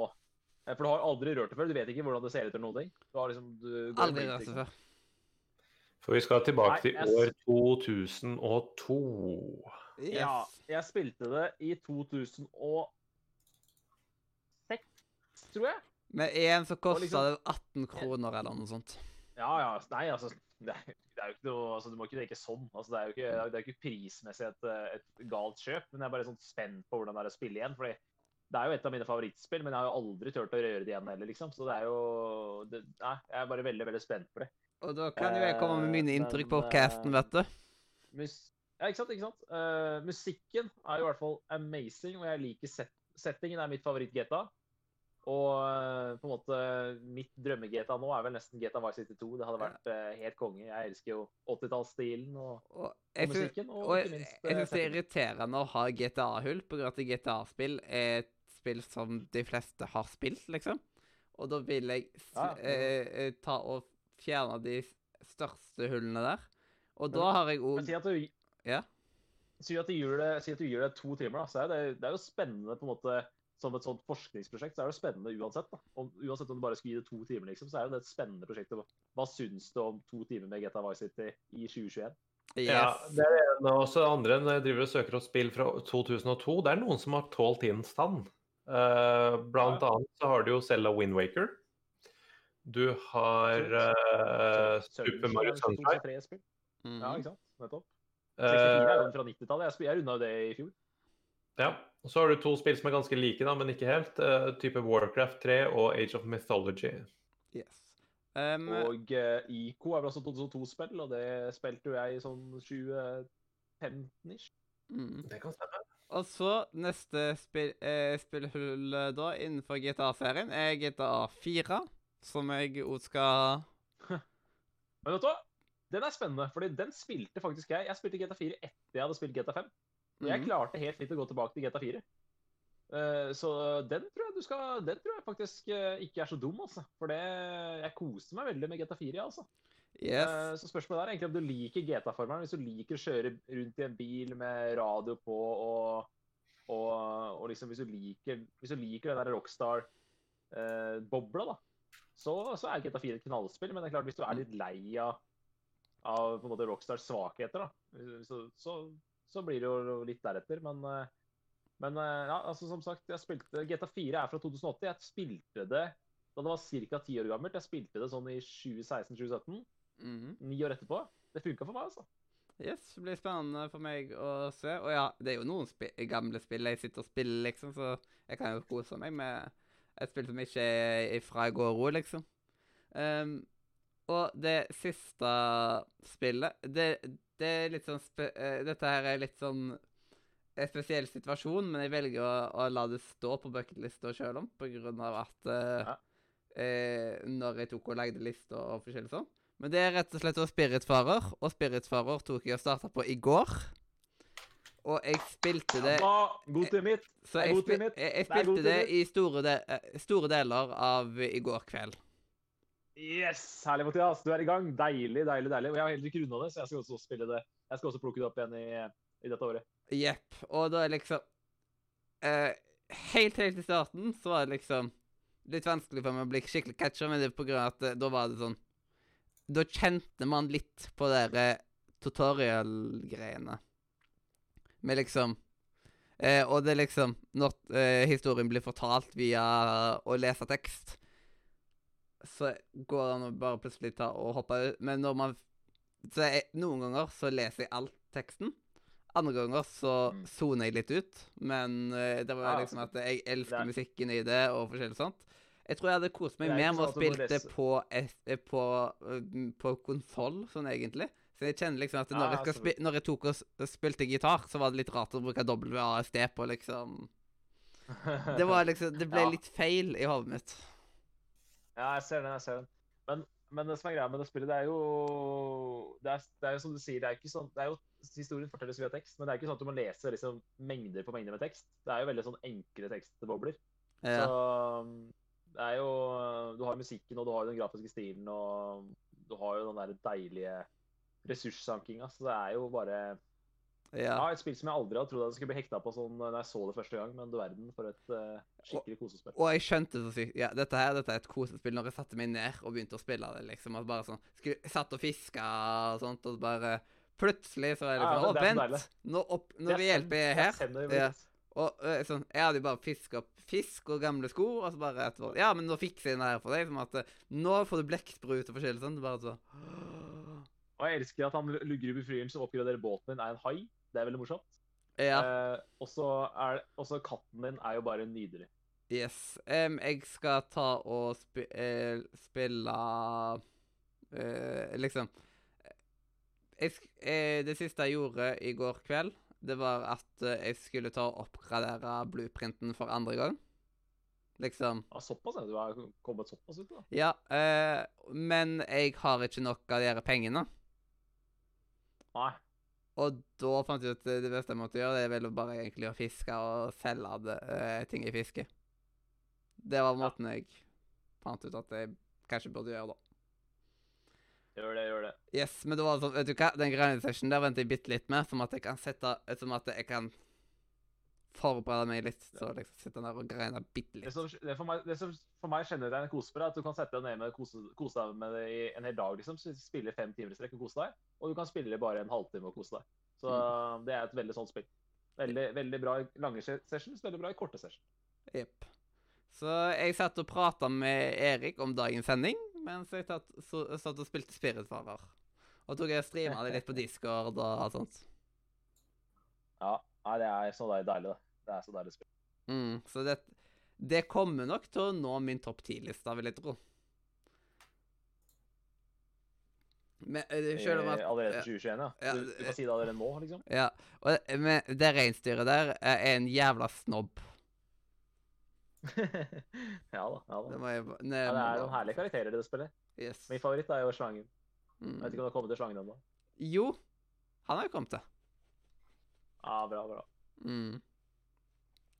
Det er liksom at Og så skulle han plutselig vært eg, Og så skulle den jævla snobben ha sitt eget hus og sånt, og bare åh, Kravstore bitch. Det, så, det, det som er så morsomt med alle dyrene, er sånn derre Med en gang de har vært på båten din en ukes tid, så er det sånn alle vil ha sitt eget hus, liksom.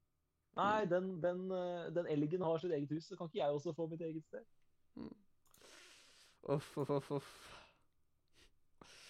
Det er liksom Dere får lov å være med på denne båten der helt gratis. Jeg tar ikke leie engang. Og jeg lager mat til dere. Og det er liksom Nå får du Ja, det faen meg nok.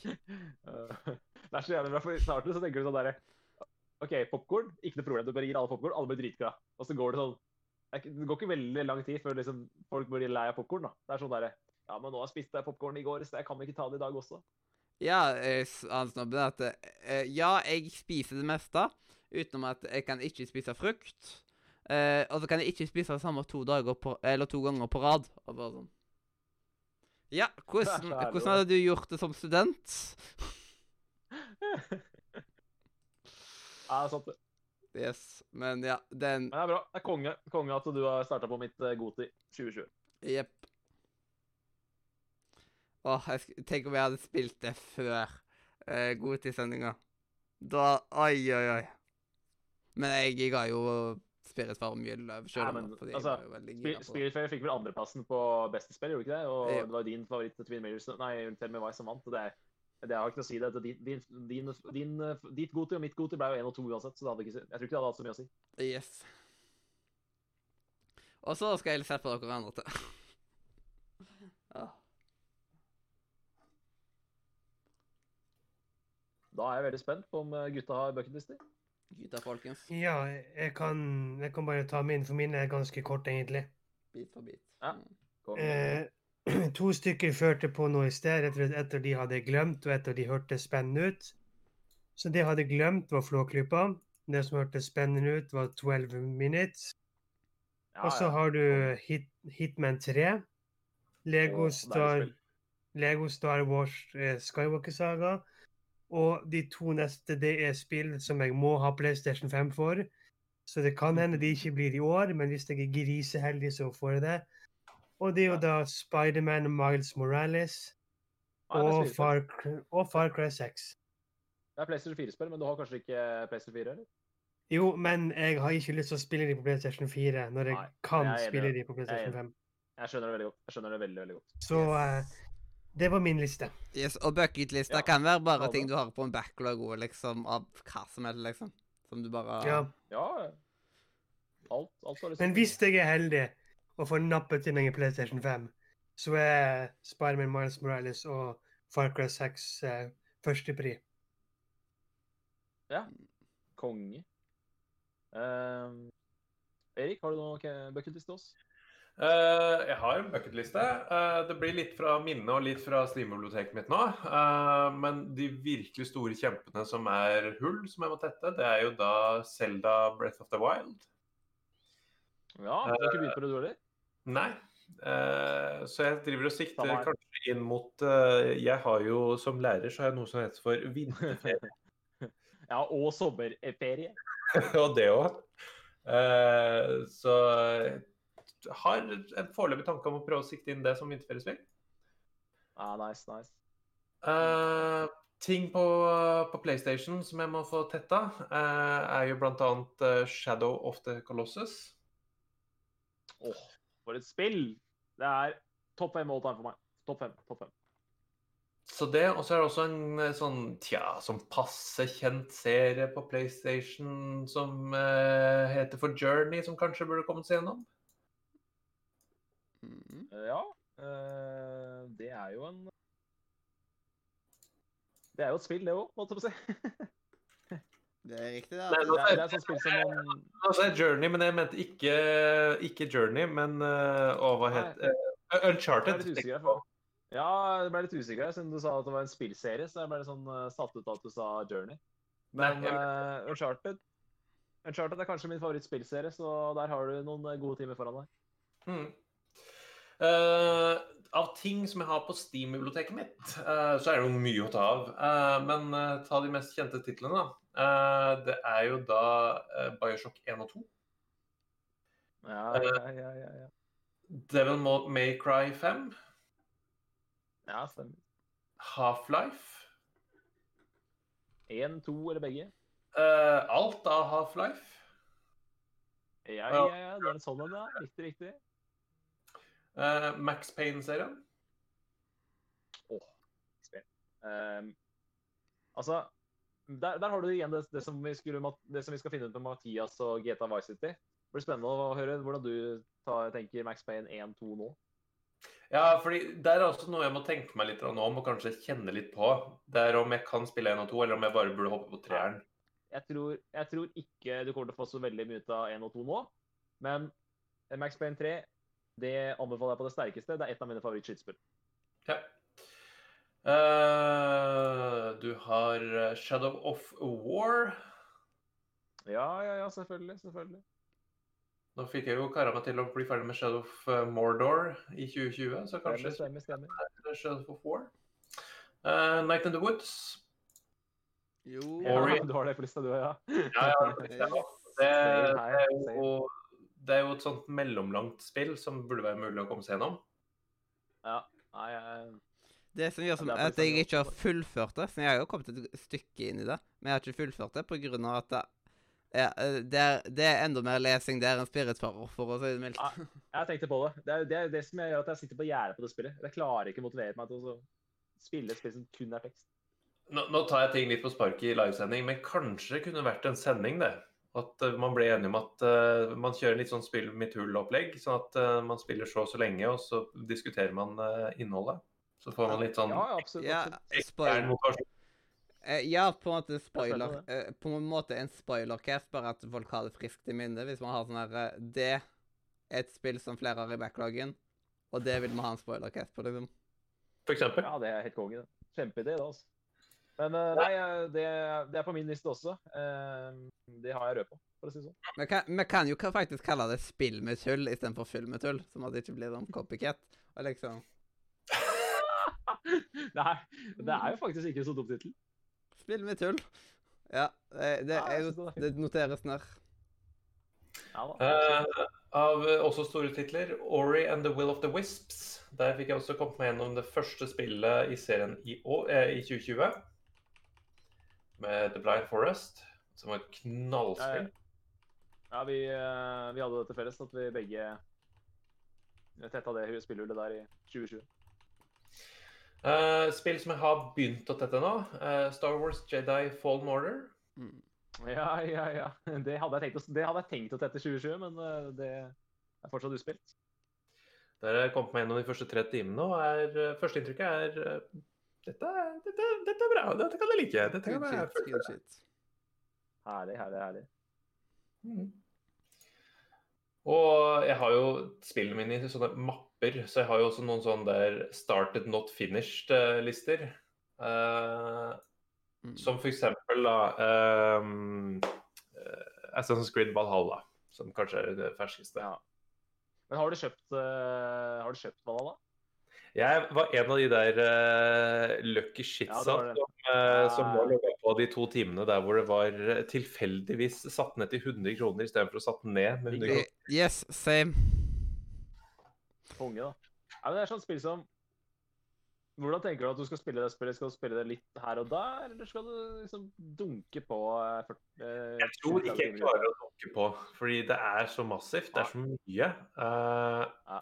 Det jeg gjorde før juleferien, for fordi juleferien var det som liksom satte en stopper på spillinga, for da var jeg ikke i nærheten av PC-en min, eh, var jo at jeg kom meg ut av Norge og til England.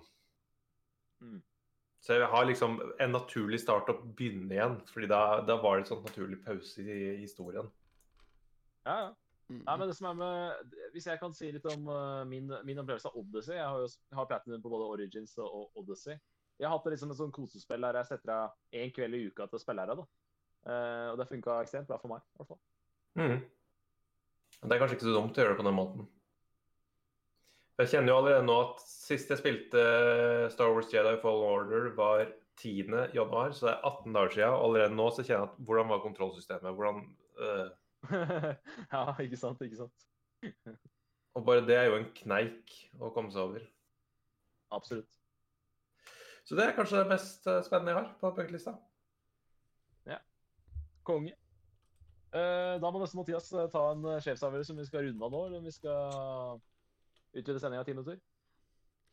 Eh, jeg tror vi bør avrunde nå, så kan vi heller ta og pr Ja. prate skit uh, i, i noen minutter ekstra i oppholdet som etterpå. Ja, ja. Det er helt greit. Eh, nei, Vi har en deadline på 2 timer og 45 minutter. Den må vi nesten holde. Og eh, vi har brukt 2 timer og 43 nå, så da runder vi av. Og så kommer jeg tilbake med bucketlist eh, på eh, litt seinere i år. Yes, og da sier jeg bare først til Erik at uh, hvis du gjør klar outroen, så er det Jeg har gjort meg klart, det. Ja, det er flott at uh, du er på på, på, på, på, på pinnen. Eh, Jeg vet ikke Jeg vet ikke hva ja, eh, Du skjønner hva jeg snakker om. Men i alle fall tusen hjertelig takk for at du Du eh, hører hørte Mathias ikke er sånn, Han er ikke så veldig god på sportsmetaforene metaforer når han eh, begynner med pinnen. med den der. Ja. Yes. eh, men ja. eh, tusen takk for at du så på slash hørte på, enten om det var live på Twitch eller i opptak på YouTube, eh, på Spotify, på iTunes, din favoritt-podcaster-app. Ja, you name it. Om du plutselig ser oss av en eller annen rar grunn på Pornhub, så er liksom good for you. Vi har jo noen greier ute på en pornoside eh, som jeg fant ut for noen år tilbake, som var skamløye. At eh, noen hadde lagt Og ut. ikke minst, uh, ikke minst takk til gjestene våre, som gjorde at uh, Glatyboy og The Shady One slapp å sitte her alene. Yes. Det, det er sant. Ja. Det er alltid hyggelig å bli spurt og delta, så det må dere gjerne fortsette å spørre om i fremtida òg. Yes, det var godt å få deg med igjen. Eh, og at eh, året har fått starta litt mer skikkelig for eh, Robin nå. Ja, vi har jo hatt en ganske lang pause, meg og deg, på podkastfronten. Med unntak av den julespesialen vi hadde. Yes. Som vi, vi forhåpentligvis får til flere av liksom. Eller liksom Ja, og at vi får tilbake spoilere i spoilercasts igjen, som vi gjorde med Ja. 3. Siden det, Det det, var, det var veldig gøy, og jeg håper at vi finner flere sånne gode unnskyldninger til å lage sånne type sendinger. For det stortrives jeg med. Men ja, tusen hjertelig takk for at du, du så på. Ta og Legg igjen en like om du kan det. Ta og Follow eller subscribe eller ja, Trykk på knapper hvis du liker å trykke på knapper. Ta og Join vår discord. Hvorfor må de det? Jo, fordi der kan du snakke med meg, Mathias og de to andre her, og hundrevis av flotte andre Galtvort-elever. Du kan spille med oss, chatte med oss, og hvis du er heldig, så kanskje du finner din lekekamerat eller livsledsager i datingrommet. Yes, yes, yes. Man vet aldri på Nordre Media-serveren. Discord.nordmedia.no eller link i beskrivelsen hvis du ikke gidder å skrive. Så tusen takk igjen. Og så må vi bare si hjertelig Tusen takk. farvel fra Ja, farvel fra Radio. Nordre. Media! Woo!